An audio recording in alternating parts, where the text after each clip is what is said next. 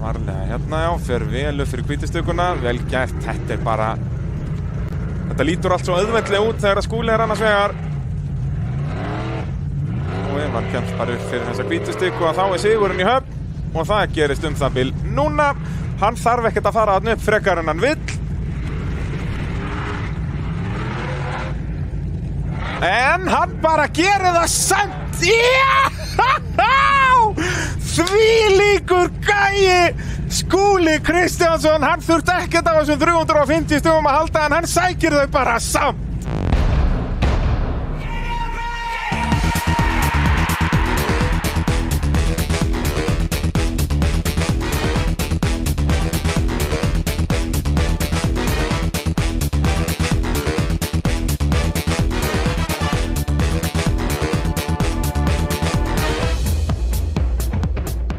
Jú, það er mótorvarpið sem að Helsar Bragi Þorðarsson heiti ég og e, tala hér í þráðbeitni frá Nóa Sirius Studio í podcastaðverinnar í bóði AB Varahluta, Bíla.sins, Bíljöfurs, Tækjaflutninga Norðurlands og Ólís og e, í þættinum í dag ætlum við Jakob Sessel að fjalla um Akarnes torfaruna, er það ekki svolítið svoleiðis Jakob? Ég held að Við erum bara eh, orð, orðni góðu vanir hér í Nóa Sirius Studiónu, við erum alltaf hérna Já, það er svona þegar er keppni helgi eftir helgi í torfæri þá er það bara svo leys Það er nákvæmlega svo leiðis að þetta er hérna, hvað vorum við að tala um, er þetta ekki fjóra keppnir á fimm vikum? Jú, Sem er kannski svona full mikið að því góða, sko, þegar að fyrsta keppni byrjar í, í er, er, er, í fyrst, er, í, er í byrjun mæ og síðasta keppni um, mi- um miðjan ágúst,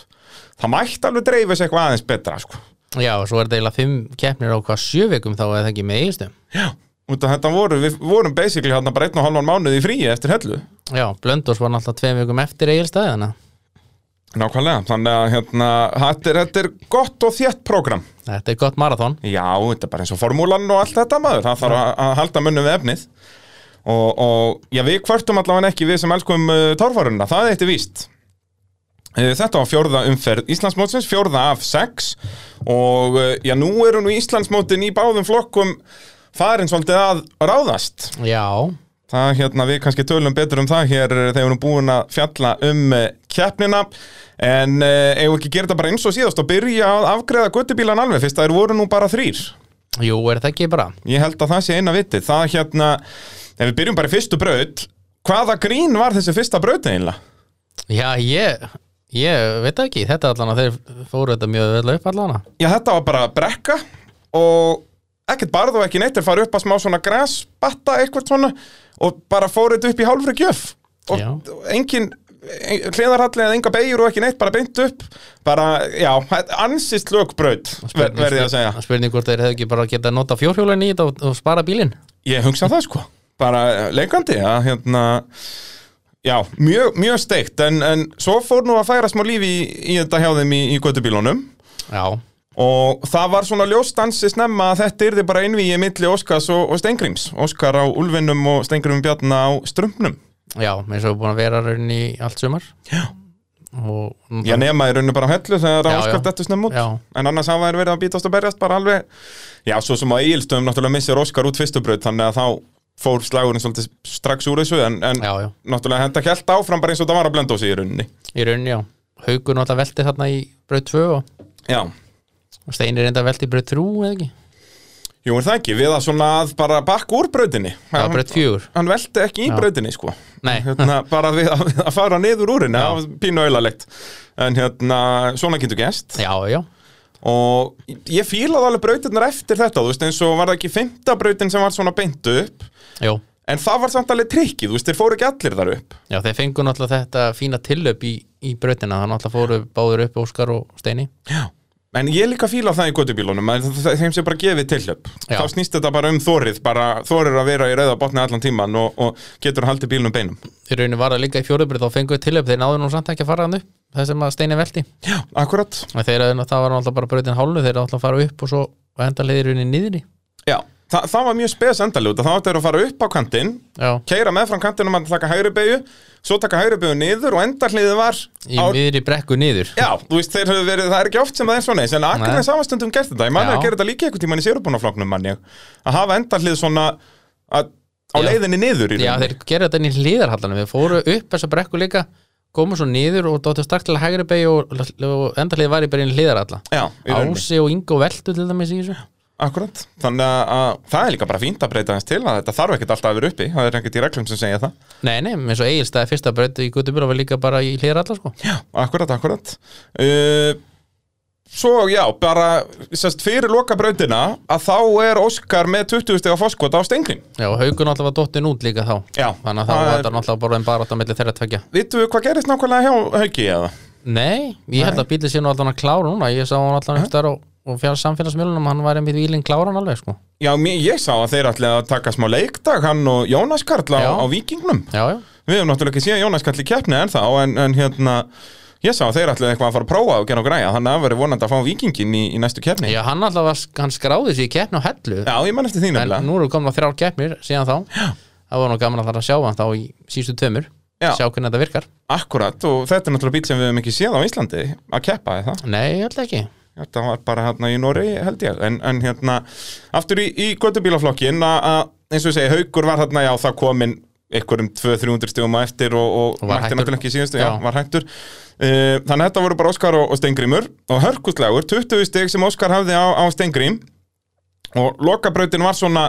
léttur uh, hliðarhalli en svo semst vinstribegi á upp og, og ég talaði um þetta í útsendingunni að- að þessi vinstribegan er blirið trikki út og tapar svo miklum hraða þarna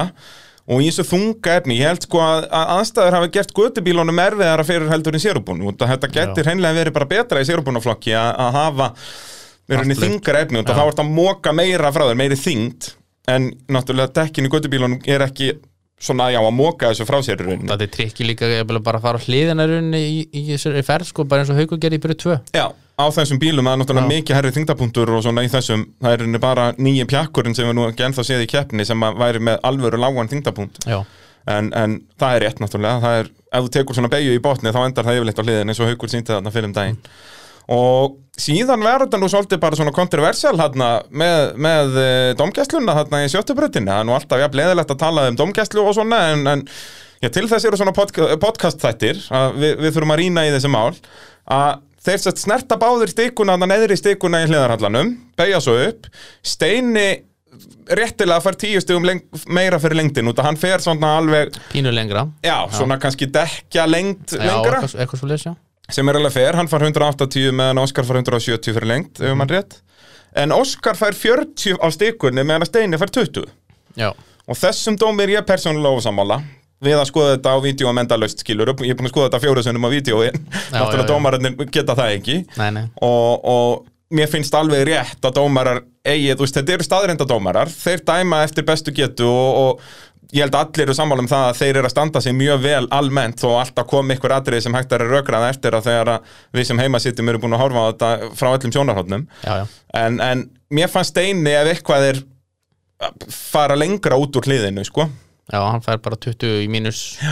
en, en s- alveg Óskar, mér finnst það alveg fyrir að hann ætti að fá 40 þó að enn og aftur langar mig sem áhörfandi á toffæru að fá betri túlkun á þessum reglum semst, í reglurnar sjálfar bara út Já. af mér finnst þetta svo bjánalega orðað í reglunum að það er sko, ef þú snertir stikku með einu dekki mínus 20 og ef þú snertir með tveimur dekkjum mínus 40 snertir með þremur dekkjum mínus 100 þú veist það er ekki svo leiðis Óskar snerti þarna stikku bara með einu dekki Já, já, en við- dekki fór alveg út fyrir og þess vegna fara mínus 40 eins og ég tólka reglunar og greinlega dómararnir þá líka en samkvæmt reglum, ef þú lest regluna þá snert hann bara með einu dekki, þannig að þetta er bara mínus 20 Já, já. en ég er samt sammála út af því að þetta er bara eins og í gamla dagan skilur, eins og byggi útskýrit alltaf í þáttunum ef þetta ekki er fyrir utan stiku sem þess að þú fer undir miðjahásingu að þá er það mínus 40 að það var náttúrulega mínus 50 í, í gamla dagan búið að einhvern breyta veginn er 20 stig í mínus alltaf bara eiginlega bara ef þú rétt snertir Já. ekki bara með einu og, en samt skilur, ok, ef þú ferð bara beint í, í gegnum hlið já, já. og snertir stikuna örlítið bara með ytri bananum á hægra framdekki en akstu stefnaðin breytist ekki í gegnum hliðið, þá náttúrulega afturdekki snertir stikuna væntanlega líka Já, já. og þá stendur reglum og snertir með tveimur dekkjum er það mínus 40 þúsund eins og ég segi, ég skil alveg reglurnar að ö, fyrir svoleiðis tilfell myndur þú bara fá mínus 20 en ef þú lest reglurnar er það ekki þannig mér finnst bara að það ætti að vera svona tólkun á þessu basically í reglunum já. svona fyrir allavega nokkur reglupervertan en kannski eru bara svo fáið reglupervertar að við þurfum ekkert að velta okkur upp úr því Nei, kannski ekki Það er bara nóg að, að þessi útskýring og eins og þessi- alltaf í mínum útsendingum og svona útskýri ég þetta alltaf sest ekki eins og þetta stendur í reglunum heldur eins og dómararnir tólka þetta og það var líka fínt að fá núna svart á hvítu að það er þá öruglega þannig að, að dómarar tólka þannig að ef það dekkir alveg út fyrir stiku að þá er það mínus 40 eins og það á að vera Já, að, að þá má ignora þetta orðalag í reglunum en, en, en fyrir vikið sest út að Stengrimur fær mínus 20 á stikkunni ekki mínus 40 eins og, eins og Óskar að þá er það Stengrimur sem endar á að vinna bara með 10 stigum já, voru ekki, það voru 11 stig síðust á milli þeirra og núna 10 þetta minka, þetta verður þá 9 í hafnafyrði Já, veist maður ekki nógu margar kegnir til að þetta minki niður alveg niður í 0 sko. já, einhvern tíma næsta ári bara já, já En Þetta, var- þetta hefur nú verið kannski skemmtilega upp á Íslandsmóti ef að þetta hefur nú Óskar hefði tekið þetta en, en, algjörlega en þeir voru báður að keira óslega vel Já. Báð, alla keppnina og og sérstaklega barátta. finnst mér gaman að sjá hvað Óskar er bara núna virkilega búin að bæta svo er núna bara alveg búin að stimpla sig inn í tamslægin Já, já, Það er, þetta var alltaf svona, maður sá hann taka einu og eina braut hann náttúrulega mætir inn í þetta með látum og vinnur á hellu sína fyrstu keppni 2019 síðan þá svona var þetta þú veist, hann var yfirleitt þriðji frekar en annar sko, í floknum já, og hann var svona, já, annar þriðji Já, Það var svona, svona- fer, fer eftir hverju voru með rauninni já, já. Og, og síðan náttúrulega já, þetta var svona meira að hann var að taka einu og eina braut vel en vantaði alltaf svona að setja þetta almennilega saman en núna er hann alveg búin að sína það að hann er komin bara búin að stimpla sér ekki inn í hennan toppslag en eins og þú segir, þetta náttúrulega skemmir Íslandsmóti svolítið út að nú eru 11 stig á milli þeirra en ekki 5 í rauninni Já, að það hefði verið geggjað að það var fimmstig á milli þeirra með tvær keppnir eftir út að þá er þetta bara hver þeirra vinnu er á undan hinum í þessum keppnum vinnur já skilurðu. það er einmitt það sem að uh, við hlutlösu fólki viljum fá nákvæmlega eins og bara eins og við munum koma að í, í sérubunafloknum að það var leiðilegt hva- hvernig Snorri var að standa sig bara fyrir njútral aðdámandan Já, að að hafa út að núna ger ég ráð fyrir að bæði mót verði búin fyrir akureyri sko já líklega ég, að ég spái því Já, allavega. kannski ekki gutubílunar en nánast eh, Já, þú svona- veist, Steini minn þurfa að mæta, skiljum Já, já. Hann minn ekki þurfa að keppa Já, já. á, á Akureyri Hann þarf að- að lutla af staði í fyrstu brut Já, Hvernig er það? Mætti hann skrá sig bara á skóta Fabia? já er það ekki, og svo fram Ef hann svona, já, þú veist, ef hann myndi svona ándjóks ekki Nenna eða ekki hafa tíma eða, eða ekki pening eða eitthvað að mæta með rútuna og liðið og bílinn og allt norður Mætti hann þá ekki bara skrá sig, skilur, á Super 800? En þarf hann ekki að, já, hann þarf allan að Já, það er náttúrulega uppfylla- vertibúr og allt, já. Já, já, já, En bara skrá sig á einhverjum rallybíl Bara fá einhvern, eða rallycrossbíl lánaðan, skilur, sem emmi veltibúr og Já. stál og öllu já, bara einhver Subaru Rallycross það var bara fyndið sko Já, að sjá já. hann þarna og síðan er bara fyrsta hliða jafnslitt og hann bara keirir einhverja bílundur á stað já, takk fyrir bless, ég fann í bæinn getur hann ekki fengið bara Jarisin í alla, hann er 500 hestöfl nákvæmlega, Atli er, er þá hann getur nú þá bara að fara að keppa í, í, Kannski að Jarisin hefði getað komist upp fyrstu brödd Nei, heyrðu, jú, það væri það er, jú, samt ándjóks, ég myndi taka sérst, ef hann væri búið að hækka hann aðeins upp og hann myndi taka þetta á ferðin, hann myndi náttúrulega alveg botna, sérst, það hann myndi fara niður að framan og aftan hann að fara í brekkunni, en hann hafði farið hann upp held ég, já, ég hugsa það já, bara grófum rallydekkjum búið að hækka hann vel upp já, og taka þetta á ferðinni möguleiki Ég held það, það er þetta er spurning að fara að mæta við höfum, við höfum síðan súpar 1800 keppi torfæru og lötu sport og allan pakkan Allir pakkin, sko þannig að þetta er, þetta er spurning Það er það sem ég er samt gam- skemmtilegt í gutubílhókin í svona 2006, 7, 8 þannig eins og hlinir og hælusnum Já, mér finnst nefnilega að vanta það þú veist, bæði eins og súkan hjá Magga og, og hælúksin, já, já, mér súkan finnst líka, já vanta bíl með body, skilur, sem er ekki bara villi skúfa, skilur, heldur að bara þannig er bíl sem er bara búið að taka framrúðuna úr og setja veltibúr í, skilur Já, já, a, a, og við sáum alveg að þessi bíla virku það vantaði alltaf aðeins upp á aflið í hælúksnum en þú veist, reyfingarnar voru alveg góðar hann vann alveg eitthvað eina, allan eina keppni Já, eina jafnvel eða tvær er það jafnvel ekki, já, tvær, held mér ég. minnir það En eins og ég segja, hann vantaði alltaf aðeins upp á aflið en, en hérna, hann virkaði vel já, já, og hérna, þannig að það verið gaman en það er náttúrulega, Guðbílaflokkurinn er búin að þróa svo mikið síðan þessi ára að þetta yrði vesen Já, núna þetta nýtur og lift og Já. allir pakkin sko þannig að- Ég reynda sko, ég og Kári vorum að tala um þetta, Kári hérna keppnistjóra á Hellu að út að hann er allur á kafi í þessum böggjum Já, já, að þú göttiskráir svona böggi og setur sérst löglegt veltibúri en þeir komið með veltibúri en þú myndir þurfa að smíða annað þannig að það veri fíast aðlað sko. og svoleiðis bíl ég held að hann er þeir leikandi sengvinni sem þú veist, þeir koma forvildræfu og eitthvað þetta er langt undir tonni, Já. sjálfstæða fjörun allan ringin ég held að svoleiðis bíl ætti alveg séns já, Það er, við Kári vorum að tala um þetta og þetta Kári var á sínum böggi að keira allar brautirnar á hellu sem skutubílabrautirnar flög upp allar brautir sko. Já, þannig að á Kári kemur svona, heyrðu, þetta er eina viti að vera bara á svona böggi þannig að það var alveg gaman út af þá, þú veist, allt svona öðruvísi hef ég mjög gaman að sko. Já, mér, finnst- ég hef nú farið á svona eina böggi torfærukefni Já. Það er helviti skemmtilegt sko. Þá voru enda alltaf brautir á tíma sem var gerði þetta ekki sem í hættilega þannig að alltaf var þetta aldrei krassaðna mann ekki tvö ár síðan, þrjú ár síðan já, var þetta ekki tvö- 2018 held ég já, 18, já, þrjú ár síðan En þetta var gaman að horfa á þetta Þetta er svona, það væri gaman að hafa svona litla keppni kannski að fyrst á skuldi fyrir svona keppni eða eitthvað hafa Ersja-torfæru og Böggi-torfæru á Já. fyrstaðskvöldi Það var þessi torfæran á blöndu sem var bara nokkuð góð sko Já, en það, Já. ég er náttúrulega mistað því Var, hérna, var eitthvað eitthva vit í þessu? Já, þetta er náttúrulega bara, þetta eru- þetta er einu skipti sem er gaman að horfa rámaspíla Já, það er núna er þetta náttúrulega sko, ég man að ég var að keppa í Ersjötorfæri hérna sko árið 2007-08 en þá var þetta náttúrulega bensín sko, nýtróbíla Já, ég var með Savits 4,6 alltaf á sín tíma 4,6, ég var bara með samvægt 3,5 sko, með allt niður um mig en ég held að ég hef náði í einhverjum Íslandsmóti sko, þriða seti og var allir í Íslandsmóti sko, Já, grjótharður þetta er nefnilega ótrúlega skemmtilegt Ég hef nú kert svona bara að leika mér sko Þetta er þetta ótrúlega er skemmtilegt sko. geggjað. Þetta er alveg bara maður að vera 5 ára strax og Já, hver já. vill ekki vera 5 ára Ég segi það Það er bara það er nákvæmlega svoleiðis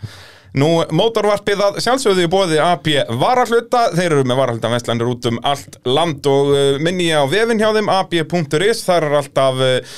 já, tilbóð mánaðarins, alls konar flottar vörur á tilbóðum og svo náttúrulega líka bara að þarf að græja bílinn, þeir eru með bodyhluti á allar gerðir bíla og uh, náttúrulega aðra varahluti, bremsur og, og kúplingar, spinnur og stýrisenda og, og, og ég veit ekki hvað og hvað, spindilkúlur og stýri og já, já, þeir, þeir, þeir græja þetta, það, þetta er ekki flókimál Heldur betur og eh, um að gera að vesla með abbi varahluti því að eins og við vitum að þá er þetta dásamlegt fyrirtæki sem er búið að vera duglegt að styrkja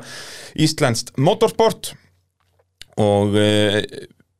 þess vegna hefur að vesla þar frekar en annar staðar Já, sko. klálega Nákvæmlega uh, Hápuntur og lágpuntur keppninar Ef við byrjum á hápunti mm. Þetta er góð spurning Já, ég er búin að vera að skoða þetta að hugsa þetta Ég fræðilega veit það ekki sko Ég ætla að segja að hápuntur sé síðasta brautin í sérubunaflánum Já, Hún var overall bara geggjuð mjög góð sko. Mjög góð þá voru mikið tilþrif og þú veist þá komist hann ekkert allir og, og fengu alveg tilhlaup í lokabarðið og, og allt þetta já, ég held að ég ske- skelli því í hápunt og síðan líka bara, þú veist, bara viðbröð starfsfólk þegar að rollan var að brenna Já það var já, svaðalegt Það er ólíka bara Hvað hann var ótrúlega snöggur útleika bara svona hvernig allur örgisbúnaður og allt þetta virkaði þarna að, að þú veist, það er ástæða fyrir við erum með reglur um þetta og þetta bara var snilt og hefði getað endað mikið mikið verð þannig að, já, það eru kannski svona hápuntarnir Já, lágpuntar Þú varst náttúrulega á staðnum þannig ég gerir ráð fyrir hvað er svona efst á lista hjá þér já, Róki og rigningin Já Þetta, þetta er svo sem slapp Maður hef, Ég hef nú verið í verra verið en þetta Já, ég, ég elska að þú segir þetta alltaf Alveg sama hvernig veðrið er, þú veist út að þú varst í Jósefsdal árið 2012 og 13 og 14 Já, já. og alltaf þegar það var bara regnandi upp úr jörðinni, sko Já, reynda fór ég líka með alla í ler í Nóri Heyrðu, já, það var íst eitthvað heiftarlegt Þá sko var geggja við á föstudeginum og svo í morgunin var allt fínt og svo þau byrjaði að keppni klukkan 11 eða 1 í mann hvort það var og svo fyrsta braut fín og svo í braut múl 2 þá byrjaði að regna og það hætti ekkert að regna bara fyrir að við fórum á svæðinu daginn eftir Já, og það stoppaði ekkert sko. nei Og þetta var alveg svona rigning bara svona það var við liggum við erfitt að ná andanum Bara loftið var bara smekkfullt af vatni en sem betur var allavega ekkert rók þannig Nei. að það, var- þetta var bara rigning sem Já. betur fyrir Svona útlensk rigning, þannig Já. að þú getur axil verið bara með reglíf og þá ertu góður Já. Það er ekki hægt á Íslandi ég mitt fekk eh, Jónas Kall, hann var mitt bara hjælt á reglu fyrir ofan mig og meðan ég var að taka upp What a mighty good man hann var með þetta alltaf hreinu fyrir mig. Auðvita En þetta, er- já, eins og ég, maður hefur verið í verra veðri en þetta Já. En uh, þetta var nú samt aldrei leðilegt Já, ég get trúa því, þetta var fínt hjá mér inn í stúdíói sko Já, ég trúi því sko En þetta var samt svona, það var rók, svo kom rigning Svo kom svolítinu sól Já, það kom alveg sólinn á milli Það Svo- svona í þriði svo- fjórðubraut var alveg bara- Ég, ég sá í einhverjum viðtölum bara bláan heiminn í bakgrunn Já, já, svo kom skíjað og svo bara kom grænandi rigning aftur og svo kom lítil rigning og svo kom bara grænandi rigning í svona mínútu, svo fór hún bara Það var voða út Þetta um var, allt svona, bara já, hann, þetta var allan ekki konstant rók og rigning allan daginn eins og við höfum nú staðið í áður Nei, þetta var líka ógeðslegt um morgunin Þetta var lagaðast nálega bara le- svona fljótlega eftir að kefni byrjaði Það var ógeðslegt í, í, tíma, í brautaskoðun og svona Já, já ég man eftir því sko viðtölum við keppendur hjá okkur í útsendingunni að þeir voru allir bara ég er ekki að nenna þessu sko Nei. Þeir voru bara alveg, þetta er agalegt sko hvernig veðrið er en, en þetta eins og segja, þetta var ekkert allra vesta sem við höfum séð Nei, nei En uh, já, lágpunktur uh, Úst, ég var náttúrulega ekki á staðnum þannig ég get ekkert kvartaði veðri Eh, þannig að lágpunkturinn á mér er sennilega bara þessi leiðinda byggð sem við lendum í að nota sjúkrabílum já, sjúkrabílum að kallaður, þú veist, og ekkert sem að við gáttum gert í því, hann var bara þurft að fara í verkefni. já, já, þetta hefur nú komið fyrir áður, áður þannig að það var svo sem ekkert sem þetta er að gera Nei, ná, ég held að allir skilji það skilur, en Já. bara svona, óta líka á þessum tíma, þetta var svona, ok, þetta er alveg að vera búið, ég get farið heim í sturtu. já, og líka bara fínt að þeir sé að fara eftir reglunum bara algjörlega, algjörlega. að vera ekkert að vera að taka ykkur óþar á áhættu sko. það var vist ykkur möguleiki sko að allir myndi fara í brautinu bara keira ekki um fyrsta hlið og fara út úr braut þannig að, all- þannig að brautin myndi gilda sko. Já, og þá myndi keppnum gilda, já. en það er náttúrulega væri náttúrulega þeir sem eru í öðru og þriða fjólarsæti myndi náttúrulega samþykja það náttúrulega aldrei sko. það þurfa náttúrulega allir að samþykja sko. Já, þeir myndu sennilega samþykja að þú veist eftir einn eða tvo klukkutíma. já, Ef en þetta þetta hefði- ef þetta var bara svo hefði verið nýmt á eitthvað milli vesen. sko. það var náttúrulega bara svo nýmt á milli Já, að þeir- algjörlega. Það var einn sem- hörkuslagur um annasættið, sko. já, já, Skúli var svona komið með ágætis fórskotarna, en já, þetta er svona, já, eini lágpunturinn, sko, og jú, svo sem alveg brautarlagningin. Ég verð bara að fá að vera pínu leðilegur. já, En ég meina ef við værum í þessum þættu og myndum bara að segja að allir var að standa sig ekki eftir vel að það var lítið gaman að þessu já, já. a, a, og ég held að Kristján Finnur keppnistjóri er alveg sammála mér í því skilur að, að ég meina þetta er náttúrulega þrjusu erfitt jobb að, að leggja brautir fyrir þessa bíla algjörlega sko. og það voru aðnar svona, þetta er aðalega bara svona nokkur hlið sem hefðum þurft að breyta þetta er ekki eitthvað svona, nú veist eins og lokast álinn í flestum brautum voru alveg góð en Já, í við bara rauninni, sko. sáum svo fá að bíla fara í þau já, það var það sem var aðalmálið að, það var að, svona mest, mest það sem fannst mér í banda braut fjúr sko. Já. Já, við förum kannski betur yfir þetta bara svona þegar við förum yfir þetta braut fyrir braut. En Já, það já. ekki. Jú, Og jú. eigum við þá ekki bara að byrja á því, fyrsta braut. já, Þar er það Alli Jamil Áskjesson sem fer fyrstur á sínum Raptor. Hann var í basli með bílinn í síðustu keppni með nýtróið og eitthvað. Það var, eh, sérst, basláinum gegnum alla keppnuna.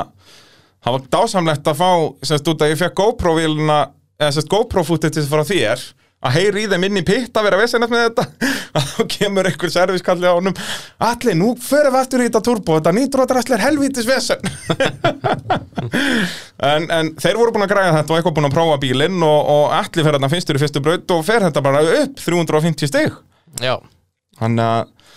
en já, hann var svo eini sem kláraði þessa braut þannig að já, þetta voru bara einu 350 stigin þangað til í sjöttu braut í þessari kjærlega það ekki en, hann, en, en þótt hann var klára þá var það samt bara þriði besti árangur í brautinni Já, fær 160 mínus, þannig að fjár bara 190 stig Já. og hérna svona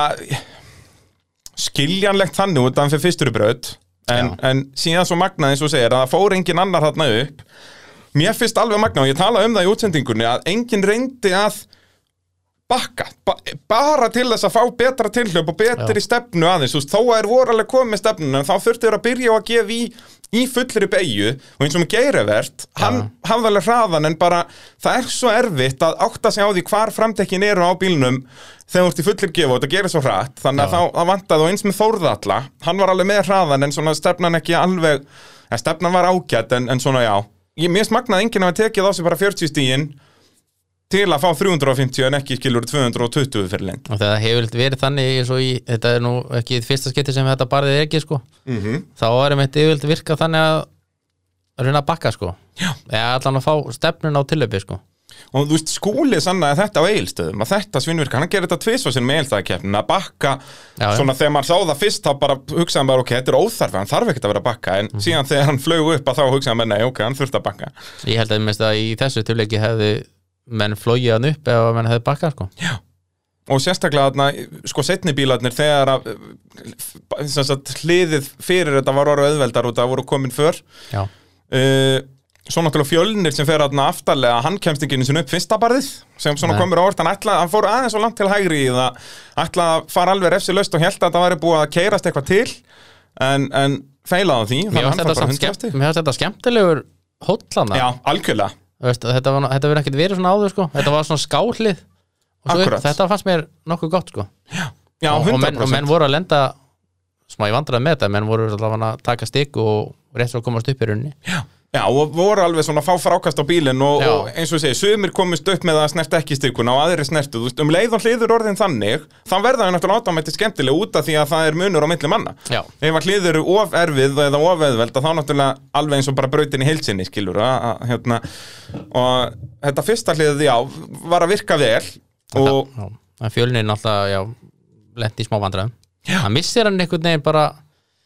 Svona, Bara hann eitthvað- fer bara of langt til hægri og fer Já. of beint í þetta, sko. Já, og svo lendir hann bara að fara upp afturhjólun og, og, og svo skutlast hann til hægri og þá var hann komin út úr braut bara Já, gæti ekkert gert í, í því meira uh, Skúli, það vantaði ekki hraðan í honum en stefnan ekki alveg nórið, hann flög hérna vel Já, var það ekki, jú, jú, jú, hann flög alveg Rörar, ég, hann, það er svo mikið hröðunum bílum að spoilerinn dætt af Já, já, bara á jafnsleitun, þetta var svakalegt og, en hann endar með flest stig úr þessar braut, var 240 fyrir lengt og bara, nei, ég er að ljúa það var Þórður Atli sem var flest stig já, hann skúli far 240 mínus 40 en Þórður Atli út af því að hann kemst með afturhjólinn upp á hann kant hann fær hann 250 fyrir lengt mínus 40 já. hann, að, hann var komin í fyrsta seti með 210 stig Uh, Svanurörn mætti ekki það var eitthvað vesen á bílum í honum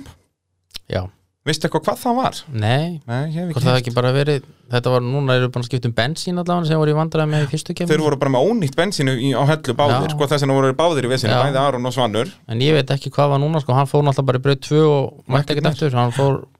alla í brautina, sko Já, alveg agalegt sko að bara, í rauninni bílinn mætti bilaður í Já. rauninni, mætti bilaður til leiks og, og þau náðu ekki að gera við hann og, og alltaf, já, það er bara agalegt Já, að vera mætt og sérstaklega að búin að dús út í þessari rigningu í allan dag og, og Já. getur ekki einu sinni keft, þetta er bara vesta martröð já, maður líka finnst það er gaman að hafa svan í keppni maður, Já. hann, er, hann er nú röðrað í ykkur börð þarna Ég heldur í keppninni betur, og sko. bílinn hefði verið í lægi, sko hann það er alltaf líf og fjör þegar Svanur annars vegar sko. Já. þess vegna er svo leðilegt að við höfum bara hann hefur ekkert keft á þessu kernistímbil í rauninni Nei, og valla í fyrra, já, og kæfti á Akureyri í fyrra Tók nú reyndar ákveðið svona semi-backflip í fyrra auðvitað, eins og honum einum í lagið, Já. tók svona hliðarskrúfu eitthvað, Já. þetta var mjög smekklegt hjá honum Við þurfum að fá okkur fimmleika sérfræðing með okkur í þetta Já, ég held það, eitthvað svona sem að getur uh, gefið þessu nöfn allt saman, Já. eða eitthvað svona hjólabrettakæja svona Já. sem, já, þetta var tvöfalt Mac Twist uh, 380, eitthvað svona dæmi, sko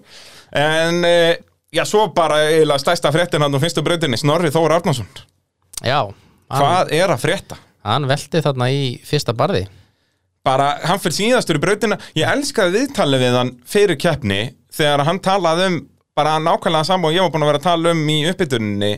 að hann var á besta staði rásverð, þú veist við vitum það að Akarneskeppnin, þar er alltaf best að vera aftarlega rásverð út af þetta eru svona gröfubörð og þetta Já, já. keyrist allt til og þetta er svona mold sem að koma fyrir í og allt þetta og Snorri sagði það bara að þú veist, núna er þetta allt upp á tíu ég er, þú veist, hann var óeppin með rásfröði á, á blöndósi, þá ræst hann fyrstur í fyrstu braut og svo aftur framalegi í síðustu tveimur Mhm. núna var þetta bara, var hann alveg með þetta í hendi sér, að bara framalegi í síðustu brautina en þar ætti rásfröðin ekki að skipta það miklu máli út og þar Nei. var þetta náttúrulegt barð sem þeir fóru, í, ekki gröfubarð Já, já, og hann sagði það bara beint út, bara þetta er algjörlega mitt að tapa í dag, skilur, það er bara ég er rásröðinu góð, bílinu góður þetta er bara, nú er þetta allt á mér og já, það, skítunum fór í viftuna strax í fyrstu braut já mjög saklið sem velta, hann fer bara einn hring hana og ekkert Já. högg, skilur, hann stekkur ekkert eða, þú veist, já, þetta er bara mjög sakleisilegt og veltibórið bara fór í kásu Já, ég, mynd, ég vissi það reyndar bara ekkert fyrir en bara eftir keppni, sko Við, ég hérna fekk þetta frétt, fekk fréttir bara í eirað, ég spottaði þetta ekki í útsendingunni sko, Nei. ég var ekki jafn segur og, og, og með Gumma Elias á eigilstöðum þegar ég Nei. spottaði þetta í Já, útsendingunni sko. já en ég sá þetta ekki þegar hann var að keira úrbröðinni Nei, þetta, þetta virkaði bara svo bara, Já, þetta var eitt bara- ringur bara saglis Já, ringur, og sko svona bara til hliðar, hann er veldur ekki einu svona niður brekkuna, Já. sko. En ég reyndar, uh, svona til að gefa sjálfur mér kredit út að ég elska það, að þá tala ég um þetta og við höfum séð þetta náttúrulega á Egilstöð, nei á Akarnes áður. Veltubúr bóknaði þetta við minnsta tilefni. Þetta er svo, Já. það er mikið að hörðu grjóti og, og bara svona klöppum að það undir og þú veist eins og við sáum með kuppinum árið Já, þegar hann já. rúlar bara svona sakleislega Hann niður fyrir og bara, bara, upp á afturhjólun og, tekur, og lendir á framann og, já, bara og bara allt í kassu, sko. aðalbógin fór bara í kásu já, að, hérna, þannig að við höfum alveg séð þetta áður já, og, og þarna sko þetta það bygglast bæði hjá Snorra og krumpast sama röri, þetta fer bara alveg í steik sko. Já. en þeir ná að styrkja þetta ég, ég- ég minnst alveg magnaðan að ná að mæti í næstu braut sko. já, Og þetta var svona bara eiginlega stutt eftir að ég fæ fréttinir eiraðan sem bóið veltibúr og, og svona öryggis hérna, fulltrú er að dæma þetta og gera og græja að þá er hann bara mættur, sko. hann er Já. bara neldur öri þetta á no time og, og ég er alveg, við höfum séð þetta margóft það- menn bætin röri og allt er góð og ma- þeir gerðu þetta mjög vel að þetta var sérst akkurat, tengdu þeir þetta ekki nýður í gólveil eða svona nýður í krossin ég er ekki Miðar. svona búin að sjá hvernig er gerð þetta, ég og ég fyrst ekki svona bara fyrir en eftir Já, keppni það er sko. svoleiðist, þannig að þetta er mjög, mér þykir þetta líka alltaf svo cool, sko, Já. hvít veltibúr og svo einn svona svört stífa sem er búið að sjóða í, þetta er, þetta er ásamlegt. Þetta er náttúrulega gerðist fyrir Þór náttúrulega, Já, já. hættu 2019, þá náttúrulega settu þér þarna framann sko. Já, þetta er ekkert eh, í fyrsta skipti sem að bóknar uh, veltibúina framann í þessum bíl Nei. og hérna, bara eins gott ég, ég er að velta fyrir mér, ég heyrði alltaf þessar fréttir með sérst að eik- ein af mörgum ástæðan fyrir að Snorri seldi bílinn er að náttúrulega ef að aftari veltibói bognar að þá verður bílinn í raun ónýtur já, þú veist, ég er að pæla hvort að það sé raunin ef að, hann náttúrulega, það gerist ekki núna en ef að velti, aftari veltibógin bognar hvort að bíllinn að það megi ekki gera við hann út af fyrir þá sem ekki vita þá sem sagt er þessi bíll ólalögur samkvæmt reglunum sem eru í gangi núna þú veist, ef það væri ekki keft á honum í tvö ára þá er hann á núreltur og hann má ekki keppa aftur vegna þess að það er ekki kross inn í aðalbóanum Halli P. var svo sniður þegar hann smíðaði bílinn út að hann voru alltaf aðrar reglur hérna 99 að hafa ökumanninn í rauninni inn í aðalbóanum til þess að geta haft bílinn stittri og þú veist eins og heklan sem er smíðuði alveg eins og þessi bíl að þeir verða að hafa spynnurnar örlítið stittri til þess að geta haft hann jafn langan milli hjóla vegna þess að ökumæðurinn situr þar fyrir framann veltibóan skilur út að það er krossin í veltibóan þannig að það er ekki hægt að smíða nákvæma repliku af þessum bíl í dag þannig að ég velti fyrir mér ef að veltibóin aftari bóknar hvort að þá þurfi bara að henda bílnum já, ég held að það sé raunin sko eða þú veist, já, þá myndur þurfa að smíða hann þannig að þú þyrftir að setja kross í ég held að þú mættir ekki smíða nýjan aðalbó og ekki setja kross í hann já það er spurning sko. ég veit ekki nákvæmlega hvernig það er en, en snorri þá allan að heppin að þetta gerist að framann en ekki aftan já, já ekki það, snorri á nú allt í allt til að smíða nýjan bíl og á raptorinn þannig að þetta Já, er, já. er ekkert stórmál það Nei, er, hann talaði um það í, í viðtali fyrir keppni að að ef að allir fyrir að standa sig eitthvað vel þá bara tekur hann að likla á honum já, þannig en hann, það var nú ekki raunin allir stóð sem vel allan daginn og, og, já, já, en það er svo sem skipti ekki málu út að skúli var á undan honum hvað sem er sko Já. þannig að, að hérna hann náði ekki að koma skúla, skúla neðar nei en, en hérna og síðan talaði Snorri um bara að- að setja þá bara þennan bíl á þjóðminnasafnið bara og, og, og smíða nýjan eða eitthvað eða taka raftorinn sjálfur Já, þetta er náttúrulega orðin bara þessi bíll er náttúrulega bara mesta, á mestu söguna bara í sögu torfarana Já, þetta er, ég myndi segja það, þetta er mest legendir í bílinn út af því að hann á semst flestu sigrana og flestu titlana bara rétt á undan jefnstöttum hjá Gísla Já. en þessi er meira legendir finnst mér út af því að það, þú veist, það var fjóri rökuminn unni þess að titla á honum Já, hann Er þetta náttúrulega- ekki fjórir? Halli, Jón Nörd, Þór, Snorri Já, Jú Hann fjórir náttúrulega- sem já, hafa vinnið titla á Hann honum náttúrulega líka búin að vera lengur en Jefnstörin Jepsterinn, sko. Já, og fleiri keppnir allavega náttúrulega gísli Já, er bara- fleiri keppni, en ég meina samt ekkert mikið Ég meina, Jepsterinn keppti hvað, frá Já, reyndar hann kefti 89? Já, reyndar, já, reyndar. til 2006 svona eiginlega alveg non-stop Hann tekur það svona nei, til 2001 non-stop, síðan tekur hann Þrjú, nei, tvö Hann Tvö. hætti tvö og síðan tekur hann smá pásu, tekur síðan allt síðan 2006 í Norðurlanda Já, síðan mætir hann einu og eina keppni, þú veist, þetta er ekkert mikið en svo Nei, sem þetta er ekki, já. kortrengurinn hefur verið að keppa eiginlega alveg non-stop frá 99 Það var verið afskaplega að fá hlið já, var að Hefur hann einhvern tímann tekið heilt síðan frí? Já, þegar að Halli sem sem sagt, fer með hann út Það var 2005 Tók hann ekkert og ekki 2006 ekki 2006, Svo byrjar kemur- Jónur 2007 Nei, Benny Eiríks tekur hann það Eina 2007 keppni 2007. og Svo byrja Jónur 2008 Já, hann tekur alveg tvö heil ári pásu Já, og hérna en náttúrulega það komið 2021 sko þannig að Já, þetta, já. þetta er fljótt að telja Já. þannig að ég er alveg sammála því að þetta er mest legendir í þorfarabítin Mm. og líka það að allar replikurnar skilur sem sannar að þessi hönnun er geggjuð þú veist það er engin að smíða sér jepster í dag sko nei, nei að horfa á bílinn hans gísla og smíða eins úst, og líka bara bílinn á gísla er, þetta er bara gísli sem á hans að titla þetta er ekkit bílinn, eða skilur það er engin annar myndin á að vinna á þessum bíl ég meina þessum bíl er vita vonlega sem horfir bara á tölutnar ég meina hann er ógeðslega þungur Já, já, og ekkert eitthvað spes afl í honum, jú, jú, hann virkar vel skilur, en, en já, þetta er ekki það er alveg ástæði fyrir því að fólk er ekki að smíða sér jepsteira hægri vinstri í dag, heldur frekar að smíða sér kortrengi já uh, eigum við þá ekki að skella okkur bara í braut nummer tvö Það er reyndar eitt í fyrstu byrð þá er náttúrulega Aron dættur út Í fyrstu byrð Alveg rétt, það var strax í fyrstu braut Já. uh, Fór headpakning, skilst mér Já, að hérna, aftur bara gríðarlega svekkjandi fyrir þá fekka að Já. bara ná ekkert að vera með og líka Aron, hvað hann var svo góður í síðustu keppni Já. að akkurat núna strax og eftir að lenda dætt út í fyrstu byrð Mætir, mætir heitur til leiks Já. eftir að ná þannig að fymta sætinu í sko sjö bíla slag Já. í, í síðustu keppni, þetta var ekki þannig að hann var eitthvað svona best of the rest skilur, Nei, nei, heldur nei, var nei. hann bara í toppslagnum allan tíman og Baldur Gísla talaði um það sem við erum særfið sér honum Baldur Mappari að að það fessast til um skiptum headpakningu í síðustu keppni Já, bara í miðri keppni og hann talaði um að semst, það þyrfti helst þá að plana hett og blokk og allt skilur, gera þetta almennilega og það er þess vegna sem þetta fór strax núna er út að þetta var gert bara svona á staðnum síðast, skilst mér allavega já, að að, hérna, það sé ástæða fyrir þetta fer svona strax í fyrstu braut spurning hvort þeir ná að redda ykkur fyrir næstu kefni Já, það er bara að plana hettið og, og senda nýja hettbankningi, ég held að það sé ekkert, ekkert stórmál og, og vonandi mæ- mætir Aron á, í hafnaferðin út að það er aftur svona svipaðar greifjur og, og við höfum séð hérna Egilstaðar Blöndós Akarnes og, og hérna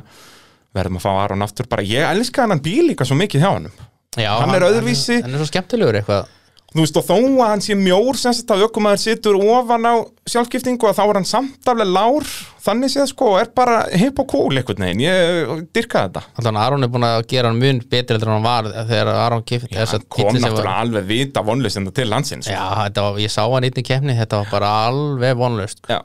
og Aron alltaf búin að breyta honum alveg gera íslenska útgáfa á honum já algjörlega Virkilega og en bara gott svona sjátt hjá honum samt að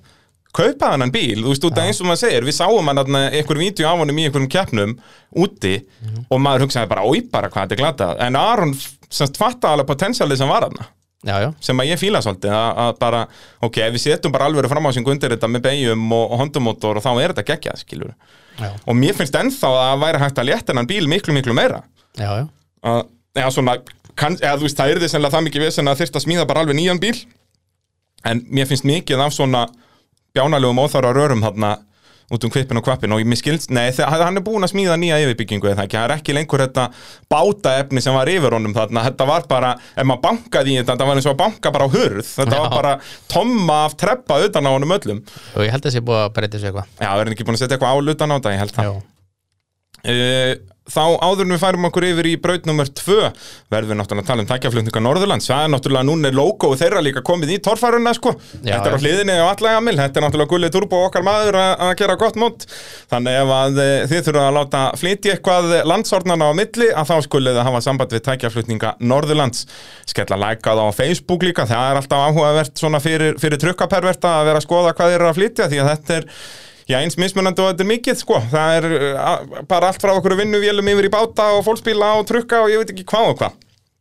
Þannig að tækjaflutningar Norðurlands dásamlegt fyrirtæki og ef að þið þurfið að flytja eitthvað þá skuliði vesla við þá því að þeir styrkja við Íslands motorsport. já, Bara bing, bara búm. Uh, skemmtilegasta brautin, uh, já það segir sig sjálf. fóruðu ekki í það áðan bara, Jú, sjötta braut það er sjötta braut í sérubúnum, Já. 100% bara, að, hérna, menn voru að fara upp og skemmtilega uppsett og Já. veldur og menn voru að fara upp náttúrulega og og svo náttúrulega þetta hefur aldrei verið ekki áður þetta er náttúrulega bara alveg nýtt þetta er alveg nýtt sko og bara hann nefnilega var áhugavert að Kristján finnur ringir í mig bara þegar þeir eru að leggja brautir á bara held í föstudagskvöldinu, hvað sent á föstudagskvöld að þá ringir hann og spyr sko,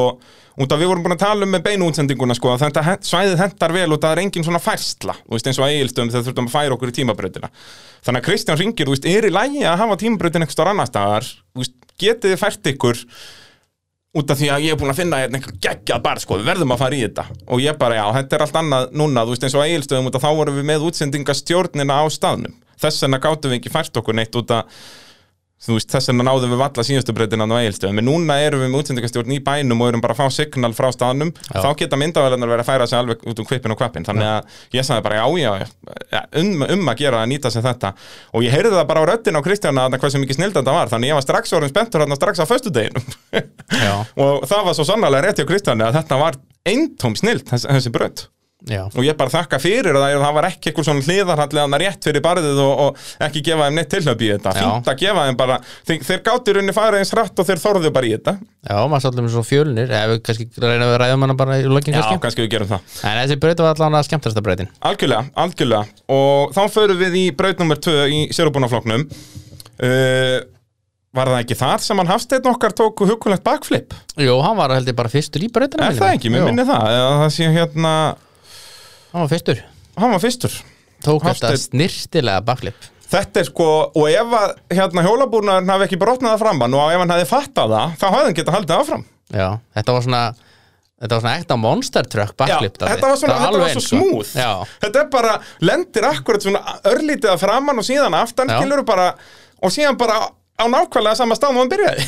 þetta var ekta svona einmitt sem maður sér í Monster Truck þeir fara svona upp að gámunum svona Já, gefa já. takt og gefa í og taka létt þetta var vagn. akkurat svona sko. Hafsteinn greinlega mikill Monster Truck maður Já. það er alveg bersinlegt og ég fekk hann ekki tilþræðavelin fyrir þetta ég svo sem er ekki búin að Nei, tjekka á því Atli Emil fekk þau fyrir síðustu breytina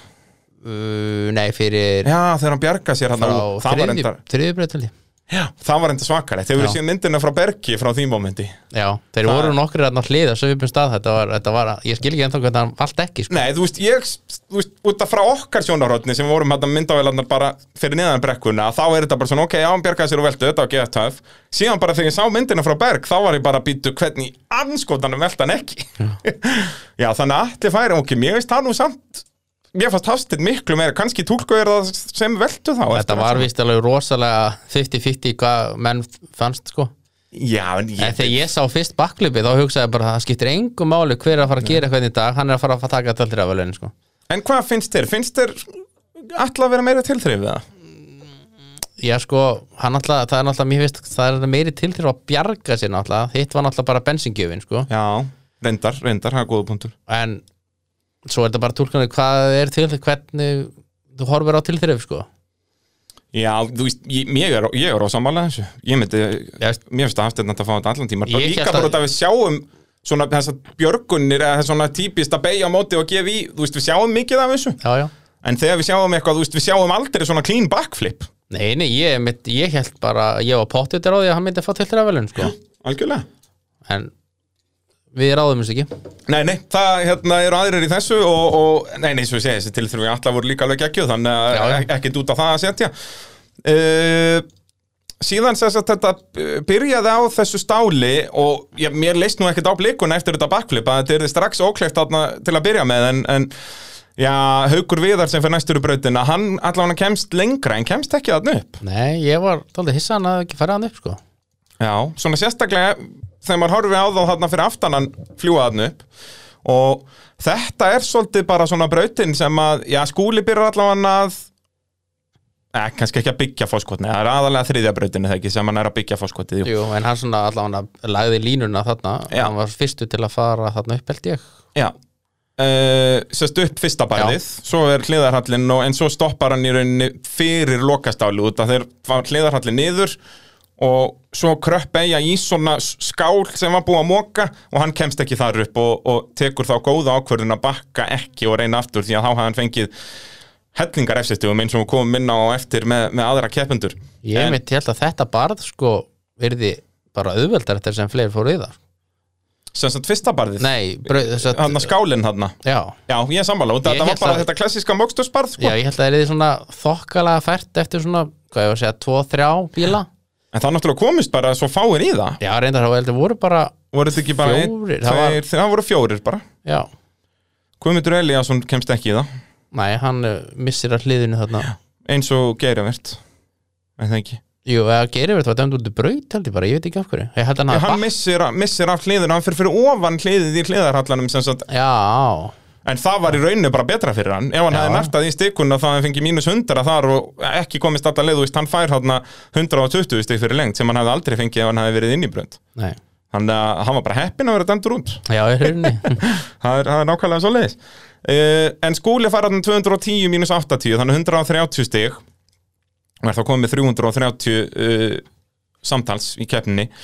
og komin í fyrsta setið því að Þórður Atli sem var fyrstur að hann, uh, hann býtu, fór ekki hann upp kemst ekki upp hann sest á kviðinu það ekki efst í, Jú. í brekkunni Vatli líka en það samt tapar hann ekkert svo miklu þú veist, hann far 90 stig fyrir það þannig að hann tapar bara 40 stig um að skúla það, það er mjög lítill munum með hvað skúli fór langt sko. Já, en þetta var einmitt málið og, og Snorri Þór sannaði þetta já, því að hann fer lengra en allir aðrir hann kemst að lokabarðinu, kemst með framdekkin svona Já, hann- eh, að í, eini sem komst ángað já, 250 fyrir lengt 260 í mínus Já. hann tók niður allast ykkurnar, bakkaði og ég veit ekki hvað og hvað já, já. og bara, já, þessi dagur sko, hjá Snorra þetta var ekki alveg hans staður, það er ótt að segja það og líka þú veist út að þetta voru hann var að gera allar tegundir af mistökum sko. Já. þetta var bæði skilur eins og hann í fyrstu brautinu bara svona vantað ákveðni hann fer í barðið á yngri ferð og byrjar að gefa í þegar að framhjólin eru komin í loftið bara svona eitthvað ósnorralegasti hlutur sem ég hef séð sko. að í staðin fyrir bara að röra í þetta og leifa afturfyrunin að vinna og allt þetta sko eins og hann er meistar í að bara vanta allan áraðanleika þar svo þannig í annara brautinni bara svona tekur svona klassískan Daniel Gunnar Ingimundason myndi ég að segja, hann var oft duglegur í þess að komast langt í brautum en duglegur á stikunum að að þá hendir, hendir Snorri sér í það eitthvað sem við höfum líkið ekki, ekki mikið séð á honum svo þú veist, í s- brautum og eftir er þetta bara, er hann að taka rangar ákvarðanir þú veist, með að, heyrðu, að fara þessa leið og allt þetta, þú veist hann var öll flór hann af mistökum frá hann Ég held að þessu bara í fyrsta skipti sem hann fær 0 stíg og brautur og bara já, heyrðu, það er enda góða punktur Ég er bara- braut sem hann mætir í að, að, að fyrir utan það, hann náttúrulega sleppir ég aldrei brautum þannig að, að já, þetta er öruglega, já, rétt hjá þér Hann er fyrsta það. skipti sem hann fær 0 stig úr braut Ég held það það er allavega, þetta er 100% í fyrsta skipti sem hann fær 260 refsistig ég held að ég geti garantera það Já. í einni braut en það, já, sýnir líka daginn sem hann hafði þarna það bara, það gekk ekkert upp hjá hann Þetta var endar, þessi braut var rosalega mikið af stíkum Þetta var svona erfitt lið, þetta var svona Það bauði upp á mikla refsingu og sér hann alltaf menn voru ekki hestu stíðin 130 það er nú ekki mikið Nei og bara í keppninni samtals ég minna það er þú veist, ef þú varst fyrir síðustu braut með 350 stig f- úr 5 brautum að þá varst þú bara í- að nálgast top 5 slægin sko. Já, Þú veist, það segir svolítið um, um erfileika brautana og, og það- náttúrulega þessi önnur braut var bónusbraut því lík sóun á bónusbraut já, Sest fyrir þá sem ekki vita bónusbraut virkar þannig að þá fá þér 50 bónusteg fyrir að fara hraðast í gegnum brautina 25 næst hraðast og 10 þriðja hraðast og það, sest, hún er tekin á tíma en, en, maður, maður sá samt að aksturinnum á mönnum þeir voru ekkert að pæla í tímanum sko. Nei, og þeir töluðu um það um morgunin að Já, já. að, já, þessi bónusbreyt verður ekkert bónusbreyt þetta er basically bara ef þú kemst upp færðu 400 stig og Já, það er já. engin annar að fara að komast þannig upp sko. þannig að ökuminn vissi þetta alveg um morgunin Já, já, þetta væri vita vonlaust og hérna annað dæmi um, um og þarna sérst önnur brautin finnst mér þetta vera sem sagt bara oferfið braut heilt yfir eða þannig, þarna er ekki eitthvað svona eitt hlið sem ætti færa og þá væri brautin geggjuð heldur var þetta bara, og þó, jú, eða þeir höfðu bara sleft þessari skál hlána niður eða þeir höfðu tekið bara beint hægri beigju upp í stálið þá hefði þetta verið fínt já. en það er svo auðvelt að sjá svona eftir á sko. Nei, Þetta er alltaf gamla góði F Já, a, a, og það er náttúrulega vita vonlust að leggja brautir fyrir þess að sérubúnum bíla Það séðan alltaf kannski kelt, heldur þeir eins og, við, eins og ég held að þetta, þessi skál er nú bara auðvaldari þess að fleiri fara hana sko. Nákvæmlega en við erum kannski aðkoman að því og þegar þeir þurftu eiginlega að taka 40 stíð á sig í mínus til til að að ná komast í beigjunni, skálina já, sko. já, algjörlega og svo mögulega bakka þannig að þetta var náttúrulega mikið refsing alltaf Já. hvort þeir hefðu kannski hefur hefðu ekki betra til upp í þessu hólu já. Og það væri bara hlið í rauninu bara eiginlega niður á jafnsléttinu og bara taka beigjunni á eða eitthvað svolítið sko en eins og ég segi, allt svona, þetta er svo auðvelt að segja þetta eftir á já, já, þetta er alltaf gamla góða ef sko Já. en hérna já, ætli önnurbreytin hafi ekki verið svona sú allra síðsta hvað var það brautalegningu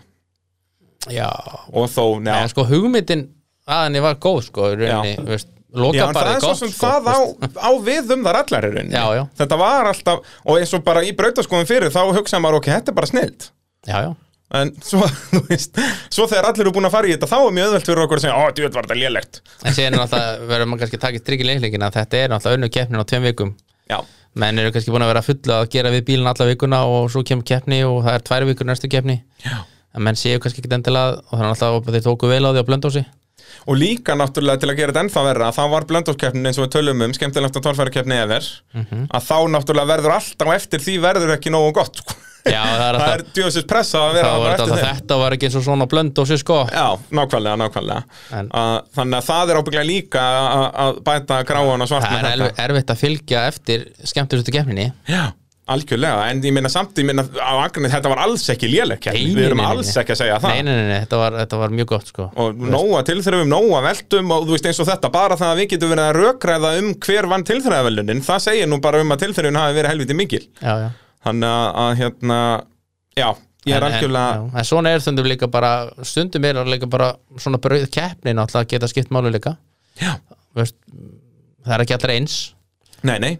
og síðan eins og við höfum nú talað um áður hérna að að allavega ég, að ég mér finnst alltaf skemmtilegar þá að hafa brautirnar of erfiðar heldur en of léttar já, það er alltaf, þú veist, ímyndaður ef að þessi keppni hefði verið þannig að allar þessar brautir sem voru of erfiðar hefði verið of léttar þá erum við að tala ennþá verra um brautalagninguna sko. Já. allavega ég ef þetta Já. væri allir svona bara að flest allir verið að fara á 350 og, og 1 og 1 og 250 að Mhm. að það er verra finnst mér, frekar að hafa þetta svona og eins og það sannaði sig að þá fengum við nóga tilþröfum fyrir vikið já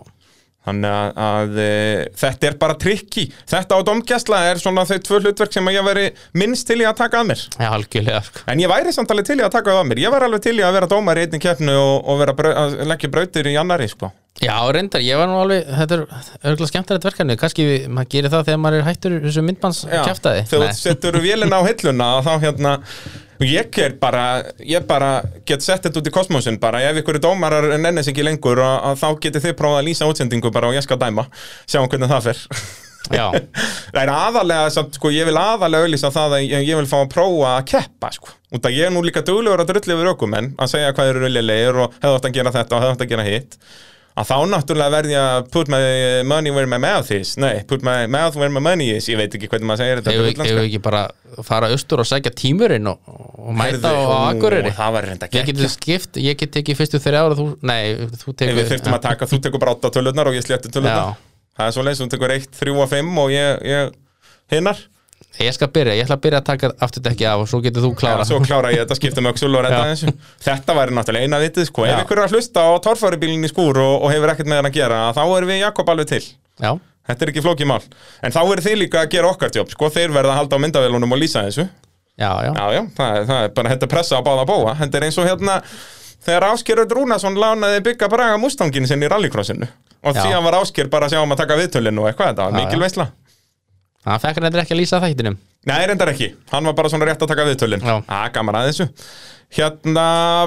önnur brautin, hvað gerist meira margtakt þar? Það voru ekki eitthvað veldur og eitthvað líf og fjörhanda eða? Mm, Það var ekki neitt Nei, er Það var nokkuð? bara baklipið Það var bara bakflipið og náttúrulega okkar maður Siggi Jibbi Já, Að gera það sem hann gerir best að það er að setjast á uh, á, hve- hólinn eða kviðið Já, eða- sit- sitja á- sittast á kviðin já, síðan, sko, þegar Bubbi var alltaf duglegur að ná honum og Geiri verðt saman í viðtöl sem er mikil veistla heldur betur og hérna og, og, og þá talaði sko Geiri verðt um að þetta er mjög snuðut hjá honum út af þessu auðvelt að skipta um dekk þegar hann er svona alveg á kvinnum út af þau eru öll fríhjólandi sko, og getur ný- eh, gríft tækifærið og, og, og þá talaði Siggi um að já, spurninga fara að opna dekkja meistæði bara í brekkunum sko Já, En uh, vandamál er að síðan lærði hann ekki af mistókonum í næstu breyta á eftir Nei. Við tölum betur um það á eftir Eða bara fara að tala um það beint núna er það ekki Er Jú, ekki, er eru- ekki nokkuð veginn búin að gera upp aðra breytina ég held að Jóhann á Thunderbolt sannaði líka að það hún grættir ekkert á að fara á land Hann fekk 230 fyrir lengt og 200 í mínus Já, þá er henni skúli og eitthvað efstur og uh, Og Þórður allir annar já, og Gekka að fá Þórður allir í slægin bara var ekki Þórður í þriði að geira eftir var í öðru Er það rétt? Nei, þannig að það er blað sem ég er að skoða Já, og Geir, nei, geir er með 310 já. Skúlega með 330, Geir 310 og Þórður allir 300 Geiravert tók þetta sem sagt út að hann fer að núturbraut og þá fær hann 140 mínus 20 Já, og pælti því að hann hefði ekki rekist í stikuna þannig í fyrsta hliðun þá hafði hann farið með flest, flest stig út úr þessari braut já, að að þá var með 240 á mæti, nei 140 á mæti 130 hjá skúla en þetta var pínum munur svona með að við blenda oss að þar voru sko tveir ökumenn með 700 stig eftir tvær breytir þarna var uh, fóruðstöðurinn með 330 já, minna er, er sest, ekki einu sinni helmingin af því sem við sáum á, á uh, Blöndósi en þriðja bröttin þar held ég uh, að Siggi var nú búin að læra með stókonum já, já, út að þá vorum við búin að sjá eitthvað annan sitjast náttúrulega skúli sérst á kveðin strax hann er já. fyrsti bíl Hann er reyndar að bakka síðan úr sko. nær að bakka út og, og redda sér en var síðan ekki eitthvað nei, Jóhann sérst á kveðin eftir Sigga Nei, það Ég var man ekki rásöðuna sko Ég En- veit allan að Jóa settist að skoðið og Siggi og Siggi og, og Siggi sko, þetta voru tveir hólar Já. og, og Siggi fyrir við fyrsta Já. og ég sagði í útsendingunni sko, já, ok, hann- þetta er náttúrulega nýlega við erum að gefa honum sens að hann sesta þetta á kveðin í síðustu braut en nú erum búin að læra af þessu og nú mun hann ekki setja þetta á kveðin ég fullirti það bara í útsendingunni og hvað gerir Siggi svo festi sig alveg líka svona smekkla á kveðinum alveg bara ekkert dekk snert í jörðina Já, en það verður- þetta er líka sko klassískir klassist, uh, klassist á Akranesi já, þeir leggja brautirna svona og ég elska það já, Mér finnst bara að fleiri mættu gera þetta að vera með svona hóla sem eru bara hannaðir í það að láta fólk festast á, á, á, á þeim ég held að Siggi þurfa að fá sér svona bumbubana eins og Gunni Gunn fekk sér Já, það var uh, gott grín, hvað var það? Það voru 2000, Já. eitthvað svo leiðis eh, að hérna, ég hugsa að það myndi leysa þessi mál Já, ég held það sko